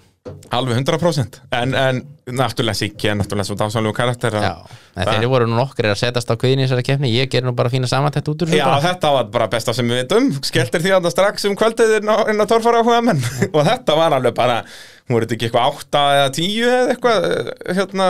aukumenn að Já, setja ég tók rauninni bara samt þeir sem settust ekki á kviðin og komast ekki og þurftu að, að, að íta þeim í burtu, ekki Já. þeir sem náðu að bakka þessu út úr þessu Akkurant Þannig að, En þar var meira sem skúli að- var í því vídjói já, hann var mest að tvið svo sko. Já, já, það er bara hættu Í þessari braut líka, þá reyndar var hann, fór hann hvað lengst Já Það er, eh, og það er í þessari þriðju brautið mitt sem að skúli byrjar að byggja upp fóskot því að þarna fer hann þarna nefnilega var ásröðin öfugt miðað við hvernig er á Akranesi þarna var gott að fara fyrstur og það barðið, fyrsta barðið vestnaði alveg greinilega Ég held einmitt að það yrði semi auðveldar Já, bara eins og öll barðin hann á Akranesi maður heldur að Já. það verði auðveldara en, og þegar þeir flugu hann upp í fyrra, eða hitti fyrra já, en þá, akkurat. ég held að þeir eru nú eitthvað unni í þessu barði núna þeir eru nú ekki eftir eitthvað aðeins erfiðara Já, all börðin, sko, þeir Já. gröfið í þetta allt, þetta Já, já. fer alltaf, þetta jafnast allt í, í rigningunni á milli, milli keppna, sko, þeir þurfa að grafa allt upp á nýtt milli keppna. það er aldrei rigning á Akranesi sko. Nei, reyndar aldrei nokkuð tíma, aldrei Og hérna Þannig að skúli fer þarna á 250 fyrir lengt og bara mínus 60 þannig að hann far 190 stig og þarna í rauninni byggir hann upp bilið sem hann heldur síðan bara út alla keppnina því að sko næst besti árangur í brautinni voru 80 stig hjá Þórði alla já, og hann fekk 250 lengt næsta sko, allir ég fær 100 í lengt sko. Já Það var út að hann svona komst aðeins og það var einmitt Upp líka sko, barðið það var einmitt smá hvort hann hafi verið inn í braut eða ekki sko. Já. og það, hef, það var einnig betra fyrir hann að hann hafi bara verið dæmdur út í braut sko. Já, það var eins og maður gerir verð, sko, ef, í, í brautin á undan, ef, að- ef hann hafði verið dæmdur inn í braut á mínus 100, Já. þá hafði hann á endanum fengið færri og stig. þegar þá hefði hann alltaf fengið 100 stíð mínus fyrir stikuna og svo bakka hann og hann fór alveg, ég á skúli Já, já, en, en þeir komist hvoru í rannan upp í, í loka, loka stálið uh, Hvað, svo voru nú einhver uh, Já, Jóhann náttúrulega festist á kveðin strax að fyrsta hólnum já. Það var alveg agalegt Og uh, en menn voru nú eitthvað að rúla þarna Já, var það Roll- ekki? Rollan og Þórður Alli og... Já, Þórður akkurat fer þarna En hann, hann fær þá allavega 80 stigur FC laust Já. Tekur ekki stiku þarna Eins og þeir gerðu margir út að var hlið ofan í ofan í kosinu þarna líka spurning hvort þetta hefur verið betra að sleppa því hliðin þá náttúrulega hefðu þeir allir farið bara svona út fyrir Já, og ekki farið í hindrunina og það, þú veist, ég skil það alveg og, og þarna eins og ég segi er ég, það er ekkert að setja út á sest, brautar hönnunina þarna því að ef að barðið hafði hagað sér eins og flest allir held að það myndi haga sér, það yrði betra og betra að þá náttúrulega hafðu fleiri komist í endabarið og þá sennilega einhver komist þar upp út að þá hafði endabarið skánað kannski líka sko. já mér fannst þessi braut vel uppsett samt Já, algjörlega, bara, Það var í bara- alla, alla kanta Það var bara þetta að, Það var að þetta bara- bara skildi vestna sem Já. einhvern veginn enginn bjóst við og mér fannst alveg snúningurinn út var því niður skemmtilegur Já. og svo upp barðið, þú veist, barðið Og það er- þar voru líka nóg pláss, þú veist, þeir Já, hefðu já, alveg nóg geta til leik. rörað í, í, Já, í já. lokabarðið. Þannig að, eins og ég segi, þarna, þessi braut var bara flott. En svo er náttúrulega bara eins og segja maður veit aldrei hvernig þessi börð verða sko. Nei, nei, sama eins og hellu stundu verða börðin auðveld eða erfið, maður veit það ekki sko. og þarna var það bara, hún var erfiðari já. Og bara því meður er það, var það í þessari keppni sem það gerðist skilur, þá er er ennþá hægt að halda áfram að segja, ó, þetta voru alltaf erfiðan brautir, en þarna er ekkert þetta setja út á keppnisaldara hvað það verðar. Nei, nei, þetta er náttúrulega ég- þeir voru nú, þetta voru nú það erfitt að menn voru að berga sér bara að setja í bakkirinn í lokin sko. Já, já, þannig að, og- já, og nóga tilþrifum og veltum og Meinar bara, að- þetta var bara fín braut. meina haugur og snorri hafa gert það þeir voru svona að fara aftur fyrir sig en sett í bakkir sko. Rikki bakkið, Já. sko, voru búin að koma í góða æfingu eftir Blöndós. já, hafa geggjað í, í hérna og já, þið getur hort á bara þáttir minna rúf, hann kom út bara eh, fimmleiti eða rétt upp úr fimm í gær og hérna getur hort á það bara í sarpinum að rúf að- að þá fjallaði, fjallaði ég um blöndóstorfærarna, skemmtilegustu torfærakeppni í Íslandsögurnar, þannig að ekki missa af því Nei. og hérna þar var einmitt geggjað að fá eh, vera með allar innkarvélarnar, ég var duglegur að sína svona innkarreplay sko, eins og frá Hauki sem er með eina vél á sér, sjá hvað hann er snöggur að rikki bakk sko, þetta er alveg grjótart ég var líka dálítið duglegur að setja mína velar í flesta, ég er dálítið að bila á Já, blöndósi þetta var bara ég var ekki eins duglegur í því og á Akranes en það var viður ekki alveg Ekki til að hjálpa en neinum. það held ég að það hef ekkert sérstænt ég held að það hef bara verið fullt af drullu held ég Já, eh, svona 100% það er, út, út að það hafði komið drulluslettur áður þegar þeir eru að keiri í brautinu það þar var mesta drullan, þannig að já. þú hefur aldrei séð neitt í brautinu, Nei. skilur þannig að það bara, við hefði ekki skipt neinum alveg Það hvort þú spa- væri með myndið ekki Nei, þetta sparaði með þrif og vélum Nákvæmlega, þurftur bara að þrýfa þína myndavél og síðan þig allan frá toppið til táar nei, ég var svo sem, svo sem góður sko Já, þetta er bara pollakala kall já, heldur betur og Þýðir ekkert verður, annað. verður ekki kalt e, Bílapunkturinn er að styrkja mótorvarpið en ekki hvað, þeir, þeir eru líka að styrkja mig í beinu útsendingunum á, á rallycrossinu og er að styrkja alla í rallycrossinu basically bara, Valdimar Jón Sveinsson okkar maður að vettfangi þar og e, þetta er frábært bílamestaðu grófinni sjö Reykjanesbæ er náttúrulega aðalegi réttingum og, og e, bílamálun en e, líka já, með framrúðuskipti og geta alveg græjað allar almenna viðgerðir ef að þarf að, að þú veist, skipta um bremsuklassa og, og smyrja og gera og græja og gera undirbúa fyrir skoðuna þá retta er þeir alveg því líka enda dásamlegir drengir og uh, sönnun á, á hversu góða þjónustu er uh, hægt að fá þarna við fengum, við, við fengum þá sönnun í síðustu rallycross-keppni Já, þegar þeir skiptum vel á bara svona klukkutíma þannig að þeir getur sennilega skipt um kúplingu í bíl bara á, á svona klukkutíma og korteri sennilega já það ekki Ég hugsa það, það væri bara ekkert vandamál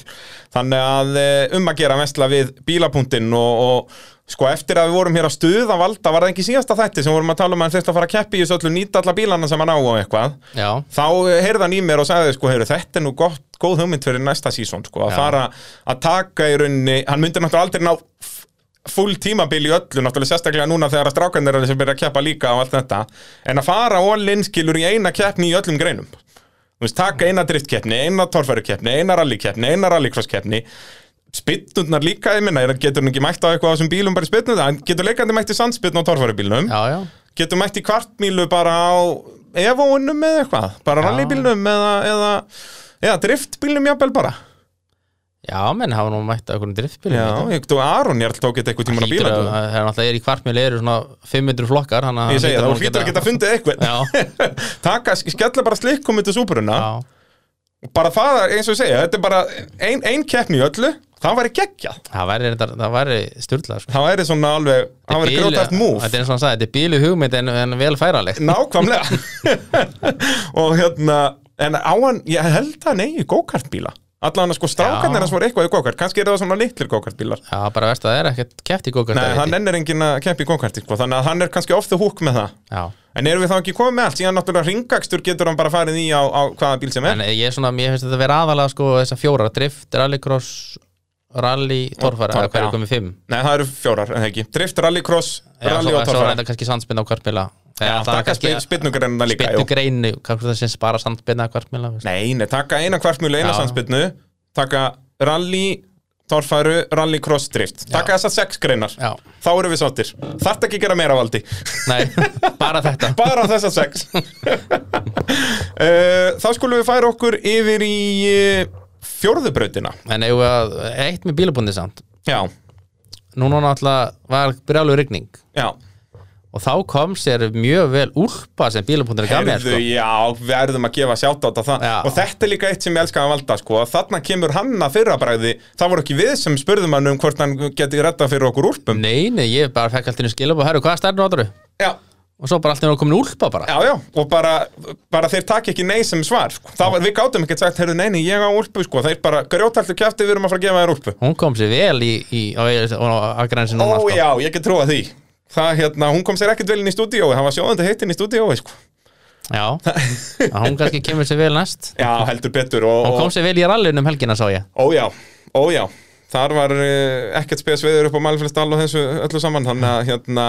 því líkur öðlingur hann Valdimar, það er nú bara svoleiðis Þannig ætlum við að taka eitthvað veltu Eða að halda áfram með veltutölfræna Vistu við erum að tala Já, fyrst við um bílabúndin erum að tala um bílapunktin Heyrðu, hendi okkur veltutölfræði, Jacob Þetta núna, Akranes komið við 12 veltur Það er bara Er það ekki það mest á þessu tímabili? Jú. eða? Já, komnar 42 veltur ég er að komna 42 veltur í Íslandsmótinu tólfæri Já, Við erum með rúmlega 10 að meðaltali í kefni já Þóruður allir leiðir með 6 veltur Já, ól segur maður Alltaf Palli og, og Aron Ingi voru með fjórar Þannig að þeir voru Já, alltaf en voru þeir alltaf veltu með. hvorugir. En Rollan er komið 7 veltur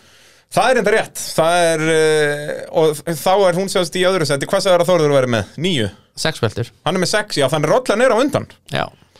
En náttúrulega mismunandi ökumenn allt Þetta eru þrýr ökumenn sem var að ná þessum uh, veltum já Hafstedt Kristins tók náttúrulega 2 núna og, og Palli tók 2 og Býttu tók hafstið tvær já, hann tók eða líka þarna í fjóruðu brautinni sem við erum að fara í eftir Já, smá hann tekur úr bakflipi sem veltu Nei, hann velti í þriði og fjóruðu Hann velti þrið, já auðvita, hvernig læti ég? Hann velti þrið og fjörðu En ef ég, ef ég segi samt ef þegar þú tengir velti, ef ég segi 35 hvað dettur í hug? uh, Fjöldi eh, velta hjá Geiravert Já, Hann er Hann komið með 35 núna Hvað var hann með? Tvær núna eða eina bara? Hann var með þrjár núna sko Nú? Hvað, í þriðju? Og fyrstu og síðustu Já, hann velti fyrst og alveg rétt, já Auðvitað, ég er búin að glemma því Þá hérna fer hann hafa fyrst að velta dagsins Hann sinni var með 31 velti sem vorum ástu búin í fyrir tímambili Nú er hann komið með 35 35 komið fjóra, það var eina á hellu og svo þrjár núna Já, ef, ef, ef Geirivert er búin að fara gennum tvær keppna á Keppnir þess án að þess að velta velta, já. þá þá komið þá tekur hann næstu með þremur Með þremur, sko. droppi Há, við fengum líka að sjá smá tjón þarna á, á afturhjólabúnaðinum í síðustu brönd Já, Það hérna, ég hugsa sko ef hann hafði sem sagt, eh, ef það hafði verið gott veður og allir í stemmingu, þá hugsa ég að hafði verið sniðut fyrir hann að láta serviskrúið gera við þetta strax á stannum til að sjá hversu auðvelt það er já, út að þú veist ég hugsa, þetta hlýtur að vera hanna þannig að það sé auðvelt skilur að það væri nóg bara að skipta um sem sagt stífurnar tvær sem sagt spinnurnar tvær og, og hérna kannski öxullin ef hann brotnaði en síðan náttúrulega þú veist ef að þetta er að skemma skilur festingar fyrir dempar og svona þannig að náttúrulega demparinn er að færast til og svona gæti þetta verið vesen já en þeir náttúrulega voru vendanlega ekki að nenna því þarna þeir vildu pakka þessu Nei. hið hið allra fyrst inn, inn Ég- og snáa Ég heim held, að, ég held að flestir hafa nú pakka bara aðeins svona byrjað að pakka í þessari töfarna í lokin Já, ég hugsa það Já, hérna, og svo bara drullaði öllu, öllu inn í og þannig var náttúrulega ekki svona vassbíl sko, til að þrýfa allan mannskapi eins og er á hellu og Nei. þannig er náttúrulega er, takt, það er ekkert hægt að spá fyrir um veðrið sko. Nei, og það ef það er rjóma blíða þarna, þá náttúrulega bara rík og, og allir sáttir en hérna, já, það er 35 veldur hjá geir, þetta er það verður nú gaman sko ef maður myndi detta í svakalegt research að bara sjá all time veltulista, þú veist, hvað veltu Halli og Gísli og Einar Gunnlaugs og þessir oft sko, já, það er svona gallin alltaf við það að, þú veist, mann alltaf er með motorportættina Já. en það er ekkert alltaf sínt alla veltunar nei, Þannig að ekkert maður- endilega en þó, þú veist, allavega með toppanna myndi maður halda að Já. Byggi síndi alltaf Já, sko, já. ég hugsa að Byggi hafi aldrei ekki sínt veltu frá Gísla til dæmis Nei, nei Eins og, og, og þeir voru nú, þessi toppar voru nú yfirleitt þeir sem voru að keppa oftast en náttúrulega þegar að Gísli var að byrja þá kannski var ekki sínd allar veltöðnar Nei, eins og Jak er, er, er, sína, Ú, hann er já. að setja inn myndi sko og hann er líka að byrja að mæta, hann mætti á Blöndós Já. og taka myndir og er byrja að mæta á allar kvartmilutnar og semst fyrir þau sem ekki vitna að Jak er ljósmyndari sem að sko byrja að mynda motorsport ég held sko in the 70s mér Já. minnir það og ekki bara mynda heldur að fjallum það semst fyrir semst, tímarit og blöð, þú veist, hann var lengi hjá mokkanum og svona, semst, að skrifa greinar og, og taka viðtöl og, og, og taka myndir og allan pakkan bara því líka legendið heldur og, betur, ég mitt spjalla alltaf við hann á blöndósi Já, þetta er legend en hann er einmitt sko að setja inn myndir núna frá gamla tímanum sem er algjör snill Já, heldur betur, Og þá í er grúpu á Facebook Þetta er Já. ekki like síða hjá honum, sko, Nei. þannig að maður þarf að fara í er þetta ekki bara Jak Motorsport held ég. Jak Motorsport, já, og þetta eru all, þú veist, bara núna nýjast var hann að setja inn 2002 eða ekki bara einhverja sandspinnu keppni á Já. kleifavatni, Já, já. það var nýjast, það var geggjað en hann er að setja inn fullt af myndum sko uh, sem maður að sjá, já þessi velti þarna Já. þá vissum maður ekki hugmynd og það maður sá það aldrei en Nei, hann nei. tók myndir að því sko og þá er mitt sko út að maður held að maður vissi allt um allt sko en þá er mitt samaður ok og byggi síndi ekkert alltaf all, allar veldunar nei, að þá hérna, en þetta væri gaman það væri gaman að fara í smá tölfræði að taka Út upp á að þetta. ég held að Keirivert geti hreinlega verið efstur á þessum lista sko, þó hann sé búin að keppa svona lítið en það er bara miklu meira um veldur í dag heldur en var já, og þó Gísli var nú alveg dullur að velta já, hann var svo vildur sko hann velti hann alveg all- og hann- eiginlega og hann alltaf einu alltaf- sinni í hverju keppni já og hann keppti í ansi mörgum keppnum við þurfum að taka greinlega eina helgi að velja skemmtilegustu keppninar og töl, veltu tölfræðina veltu tölfræðin og svona eins mikið og við getum allavega að hérna, út að þetta er svona eitthvað sem maður verður að horfa á þetta er ekki eitthvað, ekki hægt að grafa upp einhver stig eða svoleiðis, nei, nei. þannig að en jú, ég hugsa Gísli hlýtur að vera undan Halla myndi ég halda Halli P Já. var ekki jafn svona og Einar Gunnlaugs sömulegis, hann var ekki Já. tullar að velta hann var yfirleitt svona alveg nokkur rægur í, í stóru, stóru börðunum, já, en svona þegar hann vissi að hann gæti raunverulega farið upp að þá reyndan sko hann að Gísli hlýtur að vera undan þeim báðum svo er- Átni Kóps náttúrulega kefti ekkert svo lengi Bergþór Guðjóns kefti heilengi ég held að hann hef alltið einu sem á ferlinum sko. þó hann Já. séð þarna einhver fjórfaldur meistari og kefti í 20 ári eða eitthvað en það er alltaf brautinnar kannski voru já og líka bara þá var þetta svona eh, svona þá var þetta eiginlega öfugt við í dag að þá var töff að velta ekki sko. nú er töff að velta já, þú veist ef hann nýliði kemur í torfæru og hann veltur já þetta var geggja þarna var þetta meira nei hefur þetta ekki verið að velta villisnum maður þannig að, að ég hugsa já að, að það sé nóg í raunin að skoða þetta bara svona frá, frá 90 já, við förum í þetta Já, og það er rauninni að bara nóg að skoða gísla Er eitthvað sem við dettum í hug sem getur verið þarna fyrir ofan? ég veit ekki hvort það sé ykkur sem er svona síðustu, ég verið náttúrulega búin að vera svo lengi í þessu samt Já, já, við Samt- bara, þú byrjar hvað 12-13 eða eitthvað, nei, nei, fyrir það 8 eða ekki, 2008 ég er búin að fara á hverja einstu torfærakefni síðan 2005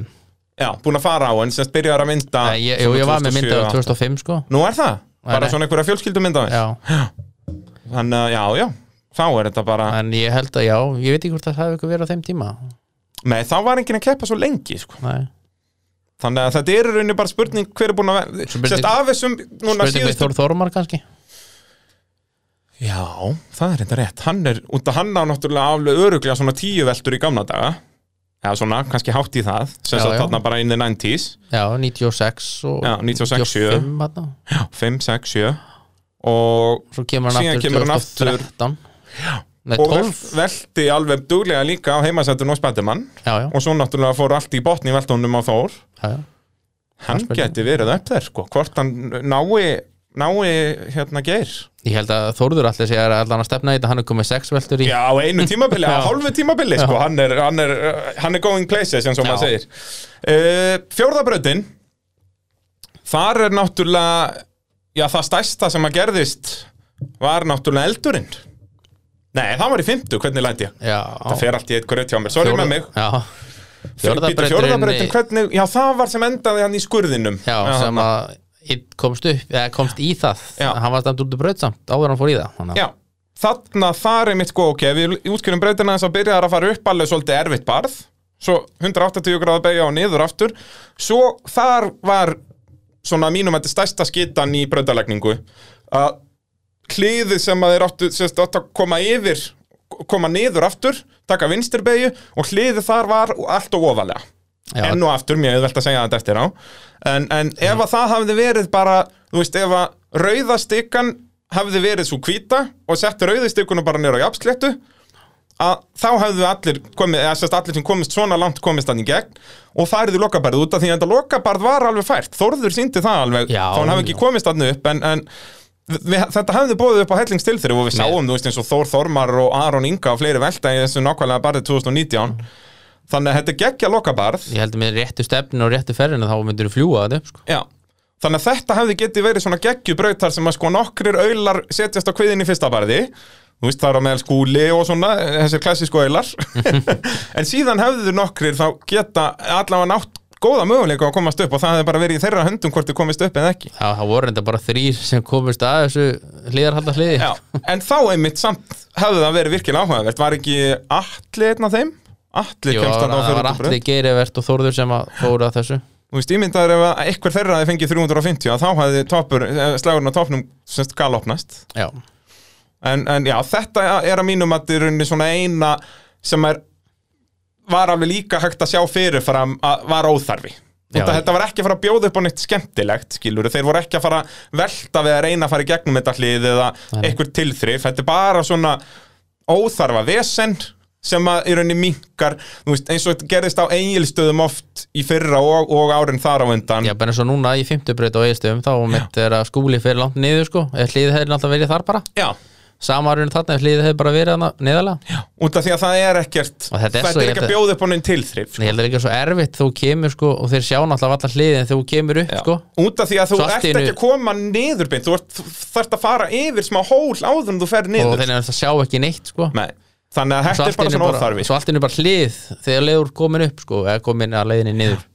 Og líka náttúrulega það að þá vildu þeir ekkit endilega þú veist, ok, ímyndar ef eitthvað hefði náðan nært í stikun og fengið hundra í mínus að þá hafði hann tapað á því að fara þarna nema náttúrulega ef hann hefði náða Já. að fara allan leið hérna- En ég var nú bara að hissa samt að menn voru bara ekki að komast upp fyrsta barðið sko Já, svo er það náttúrulega líka það var einhvern ekkert erfitt sko Það Nei, var ekkert engan að því sko En þetta er svona eina í brautalagningunni sem ég fannst sem, sem ég sem sagt, krítisera almennilega. Hitt var, kilur, önnur brautin, jú, kannski aðeins og erfið en samt svona einhvern veginn erfitt að sem það fyrir fram þriðja brautin bara góð en það var bara þetta eina hlið sem að, sem að mér fannst uh, klikka svolítið annars var þetta í rauninni bara fínt og, Já, og, bæði börðin, fyrsta barði og síðasta barði var vel Já, Bara fínt, algjörlega, sko. og eins og þetta fyrsta bara, mér finnst þetta snilt að hafa eitthvað svona sem að lítur sakleyslega út en bara nær þeim ansi mörgum og ég skil ennþá ekki nákvæmlega hvernig þetta virkaði, þetta barð Nei, ég, sko, ég skil kannski svona fyrstu þrjábílana, sko þú veist, erfitt fyrst, sko, en síðan var þetta raunum, mér fannst alltaf að vera auðveldara barðið Já, En samt- býtu, fer ekki, hver fer fyrstorðinu upp, er það af alli? e, Já, Nei, er það ekki Þórður? jú, Þórður var fyrstur í brautin held ég bara Þórður fer fyrst þarna uppið mitt og fer út úr braut og þá einhvern veginn held maður ok, það munum kannski einhver stoppa þarna en þetta verður alveg fært Já, jú, og síðan skipt, virtist það ekki skipta máli sko ferðina þannig, þú veist, það vantaði ekkit upp á ferðina til dæmis og snorra á skúla nei, nei en samt komist þér ekki upp sko. síðan Ég man eins og- geirivert flögarnu upp en Já. þá kannski, þú veist, aftur fjörunin eitthvað að hún virki betur í þessu eða eitthvað Ég man man þess að eftir þessu. ótemjan, ótemjan fór Ég skil ekki hvernig hann, hvernig hann lendi Hann fór ekki einhvern veginn svona Volda bara í sig Já. eitthvað ég, ég skil ekki hvernig þetta gerist þetta er bara, þetta er bara magnað Ég held að, myndi, að allir myndi fara hann að potja upp sko. en hérna, þetta var svona lúmst og ég elska svona Ég þú Þegar það náttúrulega eru- getur tapað hellinga stegum En líka unni fullt af stegum í svona braut sko. Já, Eins og þarna, við vorum að ef, að, tala um, ef, að, ef að- ef að þeir hefðu verið allir að ná, þú veist, allan 250 sem að hefðu farið í gegnum þarna Mhm. þá voru þeir að græða, þú veist, 150 stig á þá sem að stoppuðu þarna og þetta var 100 stiga hlið Já, þannig að, að hérna svekkjandi að það í rauninni varð ekki raunin að þeir sem komist þarna upp fengur rauninni afskaplega lítil velun fyrir það ég meina að sjá um skúli, hann fær 90 stig uh, Þórður Atli fær jú, ok, hann fær alveg 180 þannig að hann græðir hann 90 stig á hann já, og það var líka alveg til að halda lífi í þessu að ef, að, ef þetta hefði verið öfugt ef að skúli hefði komist þarna upp en ekki Þórður og þá hefði keppin eiginlega alveg verið búin hann í fjörðubrönd já og þarna náttúrulega var skúlið með ekki nema hvað 50 stig á 50 stig á Þórður sko. þarna var þetta aftur orðið tæft og náttúrulega geirivert minkaði munum talsvert líka Já, og allir kannar komin upp í fjórða þannig rauninni fengum við svona þessa röð sem að þetta endaði á að vera því að, Gekkja að sjá Þórður allar koma inn í þetta ég veit það, það er, við erum svona eiginlega búin að, búin að vera að býða eftir þessu er það ekki að, við erum alltaf að tala um hvernig hann svona virðist hafa þetta allt, hann hefur bæði þessa svakalegu grind Mhm. og, og bara þor og síðan höfum við líka alveg séðan yfirvegaðan svona að passa sig á stikunum svona inn á milli og þannig að þetta var í rauninni eins og við tölum um bara var það ekki síðast í síðasta þetta, Jú. þetta er tímaspörsmál bara Já, hvernig já. hann fer í toppslægin Bara þegar hann fer að stilla þetta saman og það nefnilega og við höfum séð þetta svo oft í motorsporti ekki bara í, í torfærinu heldur bara í driftinu og, og rallinu og öllu þessu um leið og menn byrja í toppslagnum það fara er einhvern veginn aldrei tilbaka jújú jú, þeir geta átt einu og eina lélega keppni en, en þegar menn mæta þarna fyrst að þá svona já hann er hann kominn til að vera hann myndi alltaf ekki koma mér á óvart að hann myndi ég vil taka topp þrjá í næstu tveimur ef hann, þú veist, ef hann, var, ef hann verður heppin með rásröð í hafnaferði þá get ég alveg síðan taka byggar þar sko já, það er út að hafnaferður svona rásröðs algjörlega þú veist, við sáum það að þú veist, var ekki Jóhann Gunnlaug sem að leiti eftir fyrstu tværbreytir síðast, bara út af því að hann var aftalegir ásöðu já, það er náttúrulega þessi ja, fyrr bara náttúrulega líka út að hann kerði mjög vel já, já en svo veit, ég veit nú ekki hvernig svæði alltaf sé ekki svipað á ég held það, ég, já, já, það er svo sem kemur í ljós kannski er Já. búið að breyta ykkur og, Já. mér, ég, mér síndist var ekki haukur að prófa þarna eitthvað um daginn og þá komið svolítið mikið gras og svona dótaðn í já, sem að ég held að sé bara snilt út að þá koma svona þessir grasbakkar sko sem já, er bara eins og við sáum hann á Akureyri hana, þessi tvær bröðir hann sem voru fyrir nokkrum árum. 2017 eða Já. ekki þeir fóru þarna til hliðar þar sem er bara Það var- kvartmjölubrautin það- er það- núna þetta lúkaði ekkert eitthvað svakalega börð eða veist, bratt sko, en þetta var geggjaða bröðir sko. Já, eins og við sáum hérna bara Já. bullandi backflip og ég veit ekki hvað og hvað Já. En aldrei svona smooth backflip eins og Hafsteinn hendi núna nei, ekki monsterdrökk Ekki monster truck backflip sko. uh, annars held ég sé ekkert annað í þessari fjórðubröð Nei, ég held ekki Jóhann velti þarna fór aftur fyrir sig og þurfti að hætta Þetta- Já, það var uh, skrítið út að að- Þetta er- Náttúrulega í fyrsta lagi kannski ekki alveg rétt ákvörun að bakka þarna og reyna aftur Þó að sérst setni tilurinn hafi vissulega gengið betur en fyrri Þetta var svona svipað og kubburinn þetta svipað Já. höggaldi og kubburinn þetta í hefði hérna Valtibur fór Nefn að þannig rauninu fær hann þetta ekki á veltibúrið heldur Nei. á fremsta partin á bílnum og beigir stífuna þar og, og þá fer, beiglast eitthvað og fer á vélina Já. og, og svona eitthvað örlítið tjón þar. En hann talaði viðtalið við okkur í beinútsendingun að þetta er rauninu bara spurningum græjur sko, þú veist, ef þeir væru á vestaðinu þá getur þeir græja þetta á klukkutíma sko. Já. Að- að Það þurfti bara að, hérna, alls konar slípar okkar að sögðu vélar og drasl og, og svona já, einhver verkværi sem þeir voru ekki með á staðnum sko. Já. Uh, Mótorvarpið á sjálfsögðu bóði Bíljöfurs á smiðivegi 34 Guðlgata á smiðiveginum uh, Þetta eru náttúrulega rallið þægarnir okkar, Hlölli og, og Batti sem að eru aðal menninir þarna og uh, þannig ef að þú þarft eitthvað að láta græja bílinn eða kíkja á hann að þá skaltu kíkja upp í Bíljöfur þeir sérhafa sig í Jeep, Dodge og Chrysler þannig ef að þú ert í miklu vandræði með þær tegundur á bílum þarf að taka upp vél eða skiptingu eða eitthvað svoleiðis og þá græja er það fyrir þig en svo eru þeir að sjálfsögðu með ge- gera þær við allar gerðir bíla en það eru þetta algjörir uh, mestarar í uh, bíla viðgerðum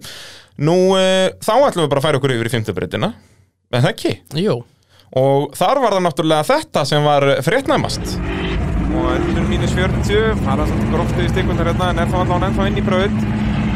setur frá sér gott reykjarmerki er úr turbinni nei, hann vantar nú eitthvað upp á aflið rótluna þetta sýnist mér nei, nei, nei, nei, nei, nei uss, uss, uss, út úr bílnum Hafsteinn minn Út úr bílnum, slökkutæki komið, þetta tekur fjórar sekundur og hann rullar út úr bílnum, allt í góðu með hann. Þetta er svakalegur eldur, En sjáu þið hvað starffólkið er fljótt að mæta á staðinn. Þetta voru bara einhverja fjóra-fimm sekundur, það er slökkvitæki mætt, en þessi bíl er hann að fara að brenna eftir lagna. Já, þarna... Já, þetta leit ekki vel út á staðnum. nei Ég, ég, ég, ég, ég hef aldrei séð Ég hef aldrei séð koma eld í tófræðbyrð en ekki svona lengi líka sko. Nei, það er, ég er samanlegaður þarna og eins og ég sagði í útsendingunni eftir þarna Já, ég- eins og ég sagði þarna að mér leist ekki á þetta, ég held að bílinn var að fara að föðra upp bara, þetta Já. leitt þannig út þeir voru búin að vera að nýst svona cirka mínútu að reyna að slökva þetta og ég er nefnilega sammálaðir þarna að ég er, hef aldrei séð svona eld við hefum séð alveg slæman eld þú veist eins og þarna Þorsteinn Einarsson Já, já. Akureyri t- 97 þegar hann brennur líka alveg svolítið illa hann á höndum Mhm. og eitthvað bara út af náttúrulega öryggisbúnaðan var ekki apgóður þá og hann sem sagt er í bílnum á hlið sem er, sem er vesen að hérna en ég hef aldrei, og- en það var bara svona þessi klassiki eldur sem á, bara fer með smá duft á þetta og þetta fer strax þú veist Já. eins, bubbi í Vestmanneigum Já, já. alveg mikill eldur en hann slöknar strax Já, já. þetta er einhvern veginn alltaf þannig, bara smá duft og þetta fer Já. þarna verðist þetta hafa þú veist, þetta hlýtur að hafa blandast eitthvað bæði sjálfskiptuvökvi og síðan bensín þú veist, út að hafa vantarlega bensín sem var að brenna þarna aftast og Já. út að bílum var að hliða, það var leka úr bensíntanknum og sennilega gata bensíntanknum eða eitthvað og, en síðan, þú veist, hefur þetta þá sennilega líka verið eitthvað slanga úr sjálfskiptingu eða í, í, í olíukæli fyrir sjálfskiptuvökva eða eitthvað svoleiðis út að þetta var bara svona eins og neipolm sprengja í rauninni, bara svona sem klistrast á allt og kviknar í Já, síðan alltaf hérna náðu þeir að taka í grafan alltaf tók hann vel, það hjálpaði helling heyrði ég, Já, já þegar þeir ná honum niður á jafnsléttu þá Já. er henni, já, akkurat og, þá, og þá, halda honum fram sko Já. Þannig að, og, og Hafsteinn sem sagt, uh, það vita það kannski ekki allir út að hann náttúrulega hoppar hann út úr bílnum en hann sem sagt brendi sig aðeins það sem sagt, hann var með opinn hjálminn bara Já. skiljalega var alltaf að opna og loka út að það er drulla og hann fær út að þetta er það mikil svona sprenging hann finnst að hann fær hellings eld inn í hjálminn Mhm. en það er líka stóra ástæða fyrir því að hann er svona fljótur út út að hann fann fyrir því að hann brannaði hans þarna og var alveg svona sviðin í kringum augun þú veist, ég var að heyri honum bara rétt að hann fórum í, í upptöku og, og hérna hann talaði um að þú veist í gær eða sérst á, við erum að taka upp á þriðdegi á mánudeginum var hann ennþá svona eins og hann væri bara sólbrunnin eða þannig en er alveg góður núna þú veist, Já, þetta er já. ekkit, eh, var ekkit alvarlegt þannig sé og hérna, og bara mögnuð viðbrögð hjá öllum hérna bæði, þú veist, hann er komin út úr bílnum á,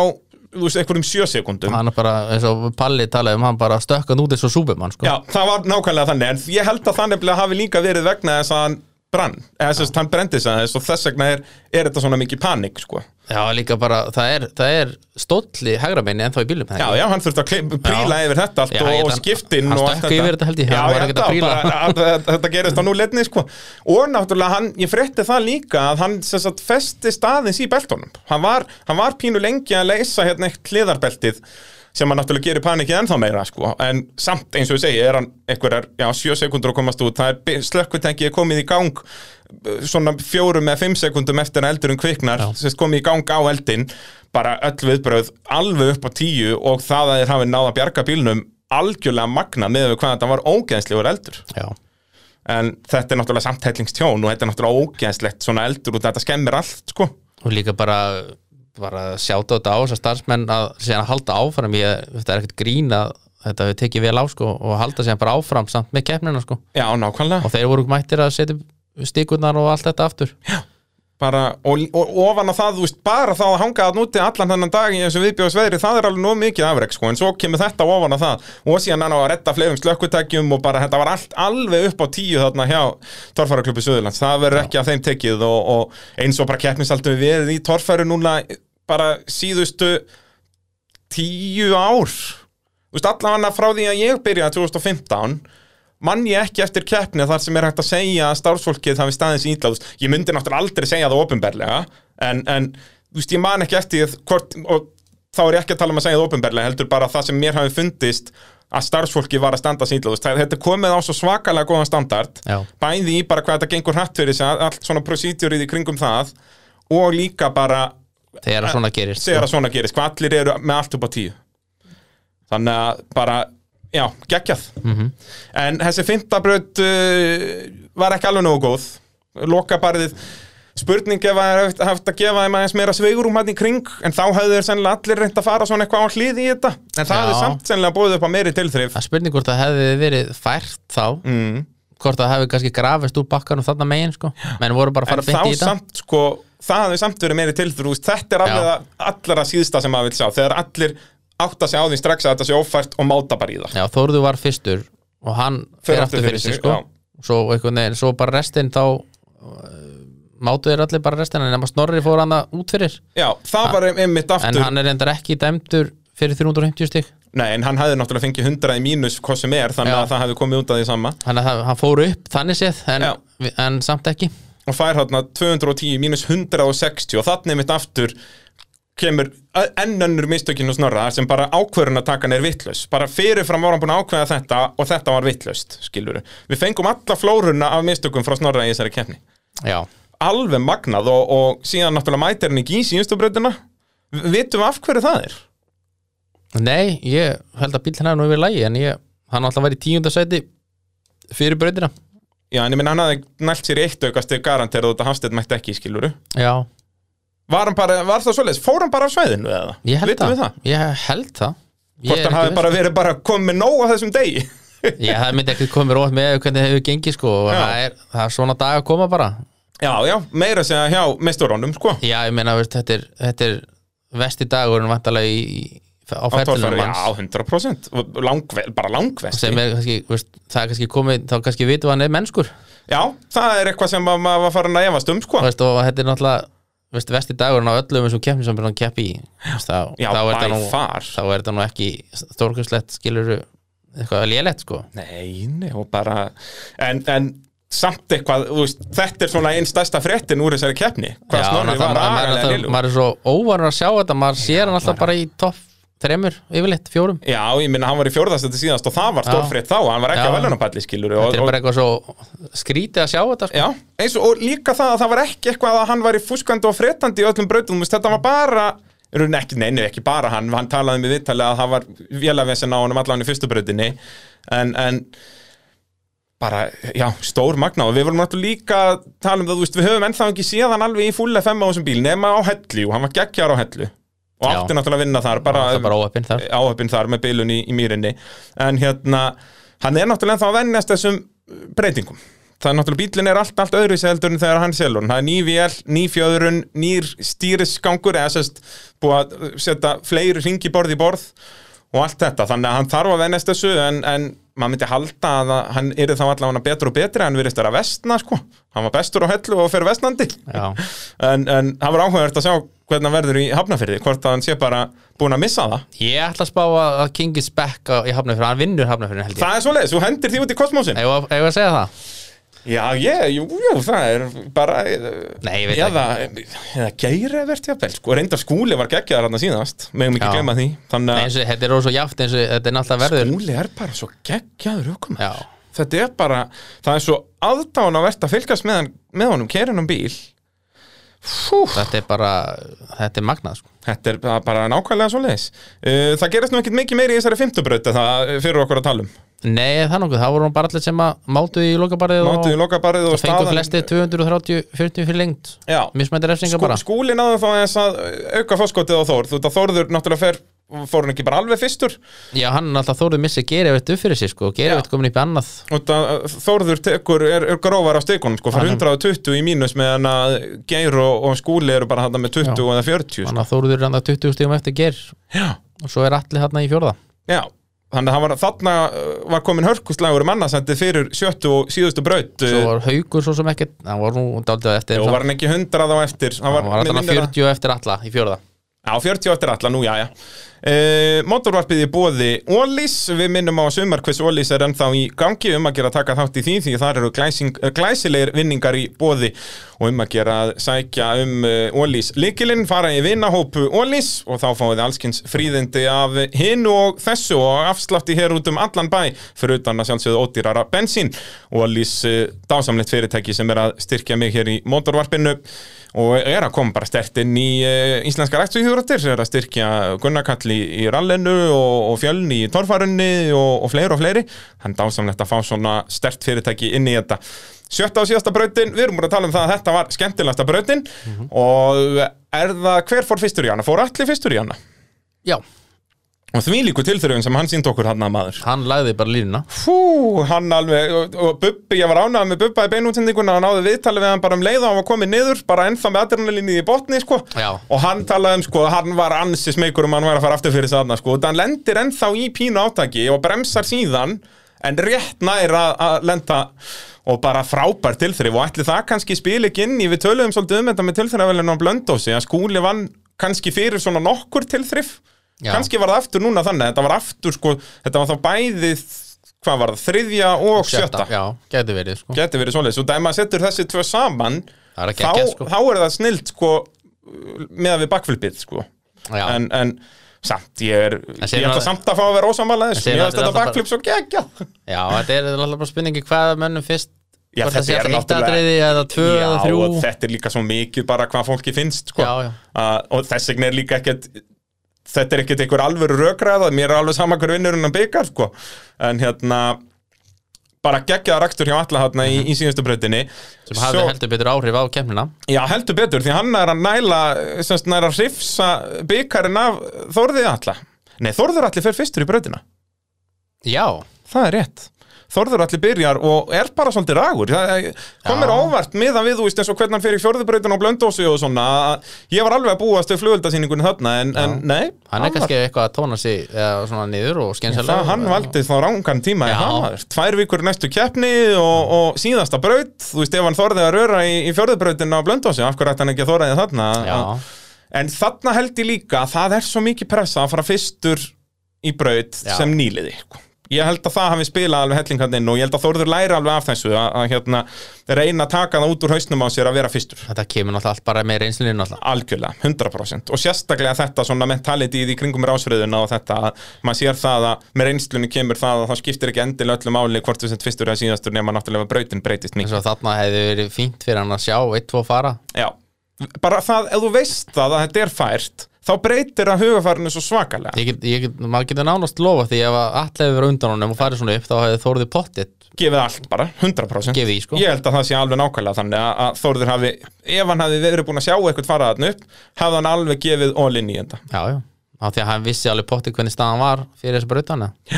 og hérna, og náttúrulega fyrsti byggar í, í sjónmáli þarna hjá Þórði en, en hann tapaði því, því miður allir kemst upp fyrir hann uh, og allir klárar þá í var hann í þriðja? eða- Hann var í öðru seti hann var í öðru seti, já, hann kemst upp fyrir geir náttúrulega líka út að geir yfir drúlar hann niður Já, eins og við töluðum áðan, það var alveg harkalega velta sem að við fengum að sjá bara í, í hælandinu á þér því að það var, ein vél nokkar var akkurat batterislaus þegar hann var bara að koma niður úr barðinu basically, við svona rétt sem hann síðan glitti í þetta bara inn og úr pitnum með það já, þannig að það var fínt að hafa Jakob að koma með hæland bara strax um kvöldið, já getur ekki klinkað Það maður verið að vera snokkur að þessu Já, heldur betur, það er bara, þú ert næstum því í beinni með þetta Já Skábyrni Og þetta var alveg svona alveg velta, hann fer Já. hérna alveg hérna eh, svona Handahlaup. handahlaupið sko hérna og, og eh, tjónar hérna aðeins afturhjólabúnaðinn en, en það er fínt að sjá að þetta getur hérna að beglast aðeins Já, bara og, og hann er bara, þetta er svakaleg nýsmiði hjá honum, ég hérna var að ræða þetta við eitt félaga núna hann valla minn í bara morgun að- að svona hvaða nýsmiði hefur komið inn og staðið sér svona vel og ég myndi setja sko náttúrulega Simba á par út að hann verður Norrlandameistari strax í annari keppninni sinni Mhm. uh, Nordekdrekkin hjá Einari hann vinnur tvær keppnir á sínu fyrsta tímabili það er á meðal fyrstu keppnin á nýja bílum já, mhm. 97 uh, en ég held að í fyrsta sætt í, í nýsmíðum bílum hann hlýtur að vera heimasætunar eiginlega báðar bara sérst Já. að nummer 2 og 3 í Já. rauninni sérst að ljóta sérsmíðaða heimasætan og síðan kókbílin undan það átni kóps byrjaði að vinna strax á þeim bílum og, Já. og stóð sér vel síðan alveg út allt tímabilið sko. meðan að geir núna, þetta eru þrýr velunapallar í fjórum keppnum náttúrulega dettur út í fyrstu keppni og þú veist, hann er ekki svona með rétt á mótorinn sko. í nákvæmlega sko. ef hann hefði mætt með réttan mótor þá hafði hann 100% verið að velunarpallin á hellu líka sennilega og þó hann hefði nú alltaf valtið þannig í annari brautin alveg saman hvaða mótor var en hann hafði síðan náðu að rífa sér vel upp í tímabrautunum og hann alltaf væri líka bara nær skúla í Íslandsmótinu ef hann, hann Já, alltaf og færi ekki sko- stig í nei, nei, á hellum það er nefnilega málið sko. ef hann hefði verið þar bara í fjórðasæti eða eitthvað þá var hann strax Já, ætla hann hafði ekki endað fjórði, ég hugsa hann ekki ná þeir voru þarna þrýr í sérflokki frá ofan og Já. það Ge- Geir hafði alltaf voltið þarna í annar brautin held já, ég en hérna uh, en í þessari keppni fannst mér ég sérstaklega að sjá að hann vantaði mótorinn Úst, ég held, held í til dæmis þriðjubrautinni hafði hann farið þarna upp með réttan mótor hann er snemma í þeirri braut Já. og hann lendir, skilur, hann er ekki að fara aftur fyrir sig eins og aðrir, það Nei, nei. er greinlega fjörunin að virka gríðarlega vel og hann lendir bara ekki alveg nógu ofalega Já. en hann er með rétta skilur og hann er ennþá hann er ekki komin í 90 gráður eða, það- eða pluss hann var ekkert að leiðin aftur fyrir sér neitt Nei, þetta er bara ef þegar hann hann hefði lendi bara sko. sko. náða að skoppa aðeins lengra upp með meiri snerpu og meira poweri það hafði hann komist þar upp og, og allavega þá komist að endabarðinu og, og hérna svona, þú veist, kannski í lokabarðinu en samt ekki út að tilhlaupið átt að vera nógu mikið fyrir hann þar þannig að kannski ekki hægt að skrifa það á mótorinn uh, Fyrsta brautinn, meira afl þar það hafði hann farið upp Já. út af þá var hann skoppað lengra upp skilur, hann endar á að spóla hann er að krafsa með framdekkin fyrir ofan barðin afturdekki í barðinu með alvöru snerpu og alvöru poweri hafði hann skoppað þarna upp á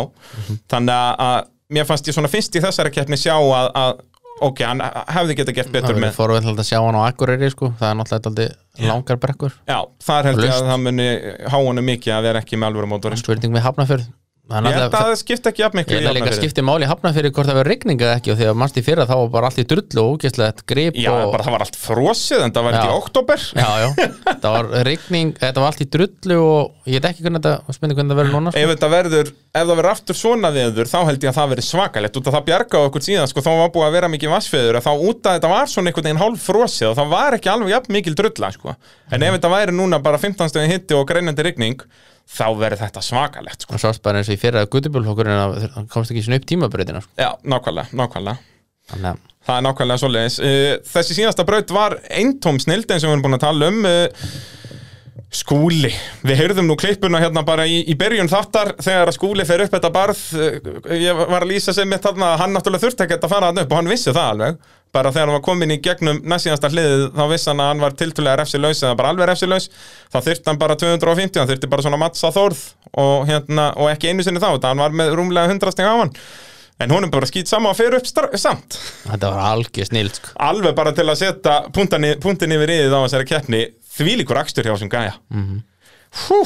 ég maður getur stakfæra að klippa best moments frá skúla held ég bara núna, hann er búin að keppa í hvað, í tvö ár, neða þrjú ár Já, bara, hann er svo mikið með þetta maður sá það líka bara um leið og hann mætti bara á pjaknum Úst, hann Já, já. vinnur þarna tvær keppnir sem sagt í röð, eða sem sagt tvær keppnir sem hann mættir, Akarnes var ekki 16 og 17 eða 17 og 18 16 og 17 held ég ég var 16 og 17 vinnur þar báður í göttubílaflóknum þannig að þá var maður strax bara að býða eftir að hann myndi smíða þessi bíl og ég held að hann fari nú bara tildulega fljótt í það og hann tók hann nokkur ár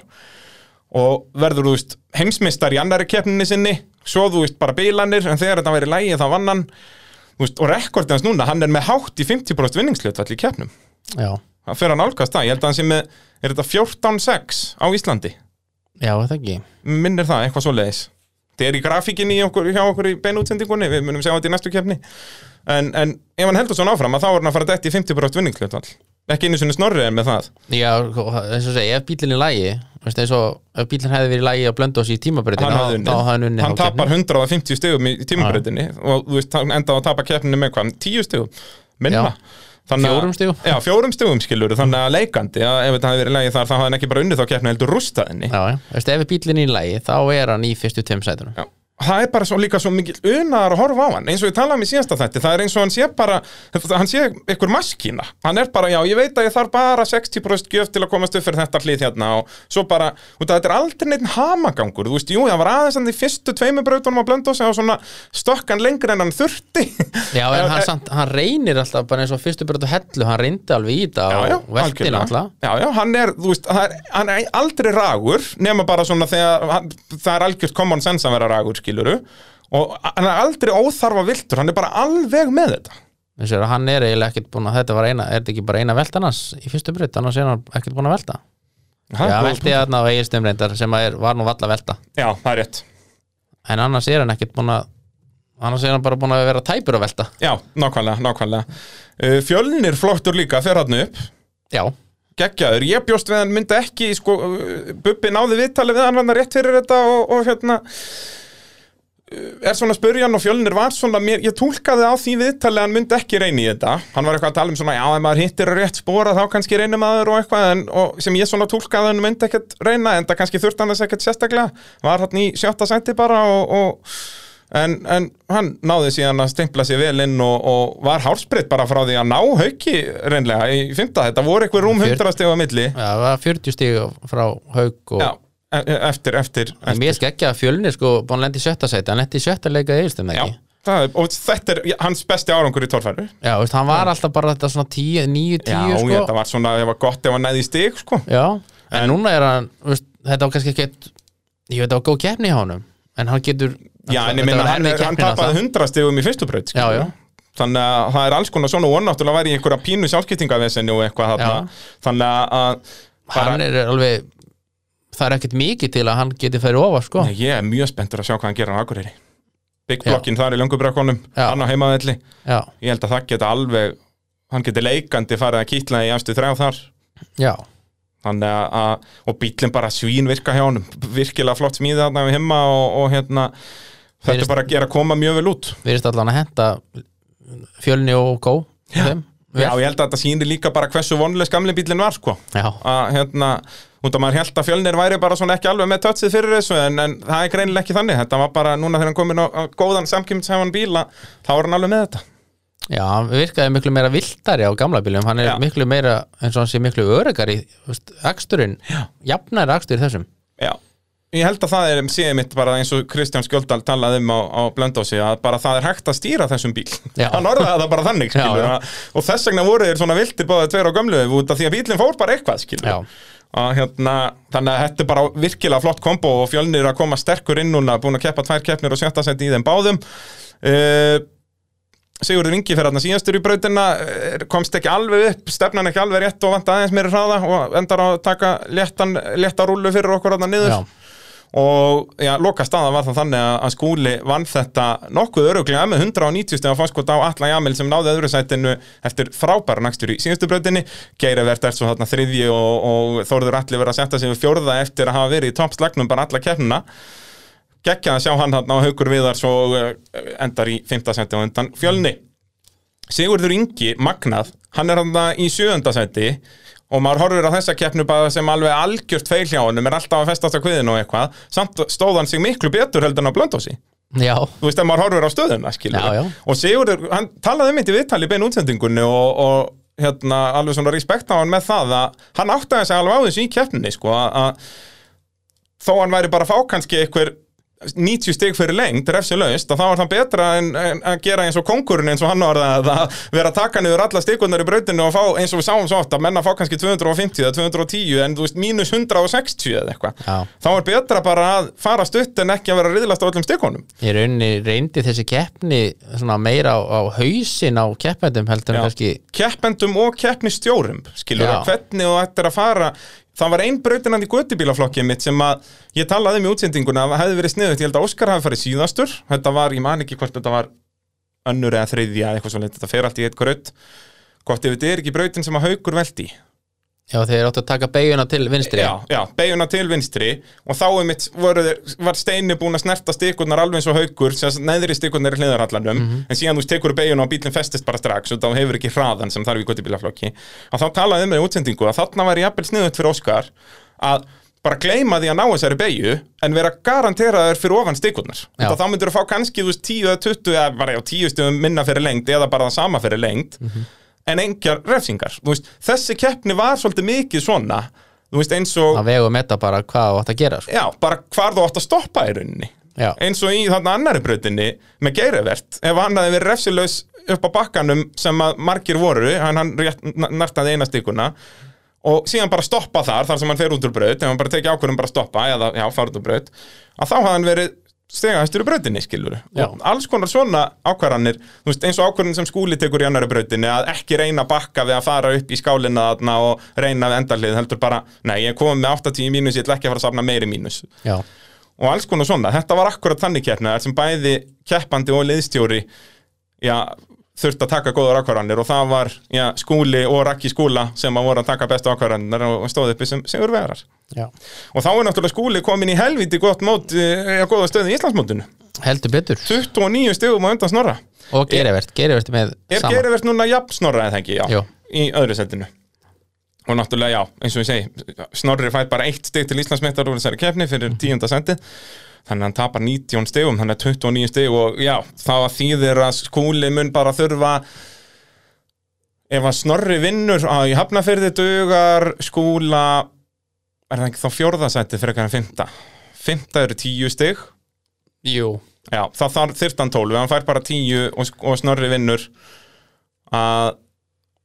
já, þá byrjar verða 19, stigum, já, já, hann þarf 12 ef að Já. Snorri vinnur og Skúli er fjórði þá er Skúli orðin meistari með eina keppn eftir eða gerivert eða Gerivert náttúrulega, Gerivert er orðin jafnhafna að- Já. þannig að e, þetta er svona leiðilegt hvað varða mótið að að Skúli, það er bara leiðilegt hvað Skúli er góður Já, það er skemmtilega samt við Akaranes keppninar að, að þú veist, 2016 til núna þá erum við búin að fá mismandi sigurvera já, Það segir bara hvað keppnisvæði er kannski skemmtilegt já og þe- þessar keppnir hafa allar verið skemmtilegar Já, þó að segir það. þetta svæði ættir en ekkert að bjóða upp að skemmtilega keppnir út að þetta er svo stutt og allt manngjart börð og eitthvað, Já. þetta lítur ekkert vel út þannig en, en það er rétt, þú veist 16, 17, 18, 18, 19 og 21 alltaf mismunandi Já. sigurvegar Snorri vann 16 og Maggi C á kupnum 17 Svo kom Ingo og Haugur 18, það, það voru þannig tvær keppnir Og svo Þór Þormar 19 og skúli núna Skúli var náttúrulega í öðru seti 19 og hún tekur sigurinn hérna Já, þannig að það er geggjað líka og bara það er ekkert keppnisvæði sem á þetta að vera með mismunandi sigurvegar að hvað er þetta sex keppnir þetta eru svo satt runni 14 keppnir runni Á Akranesi. á Akranesi og það eru 11 mismandi sigurverar Já, út af það náttúrulega var keppt þarna hvað 92 til 99 Níu Já,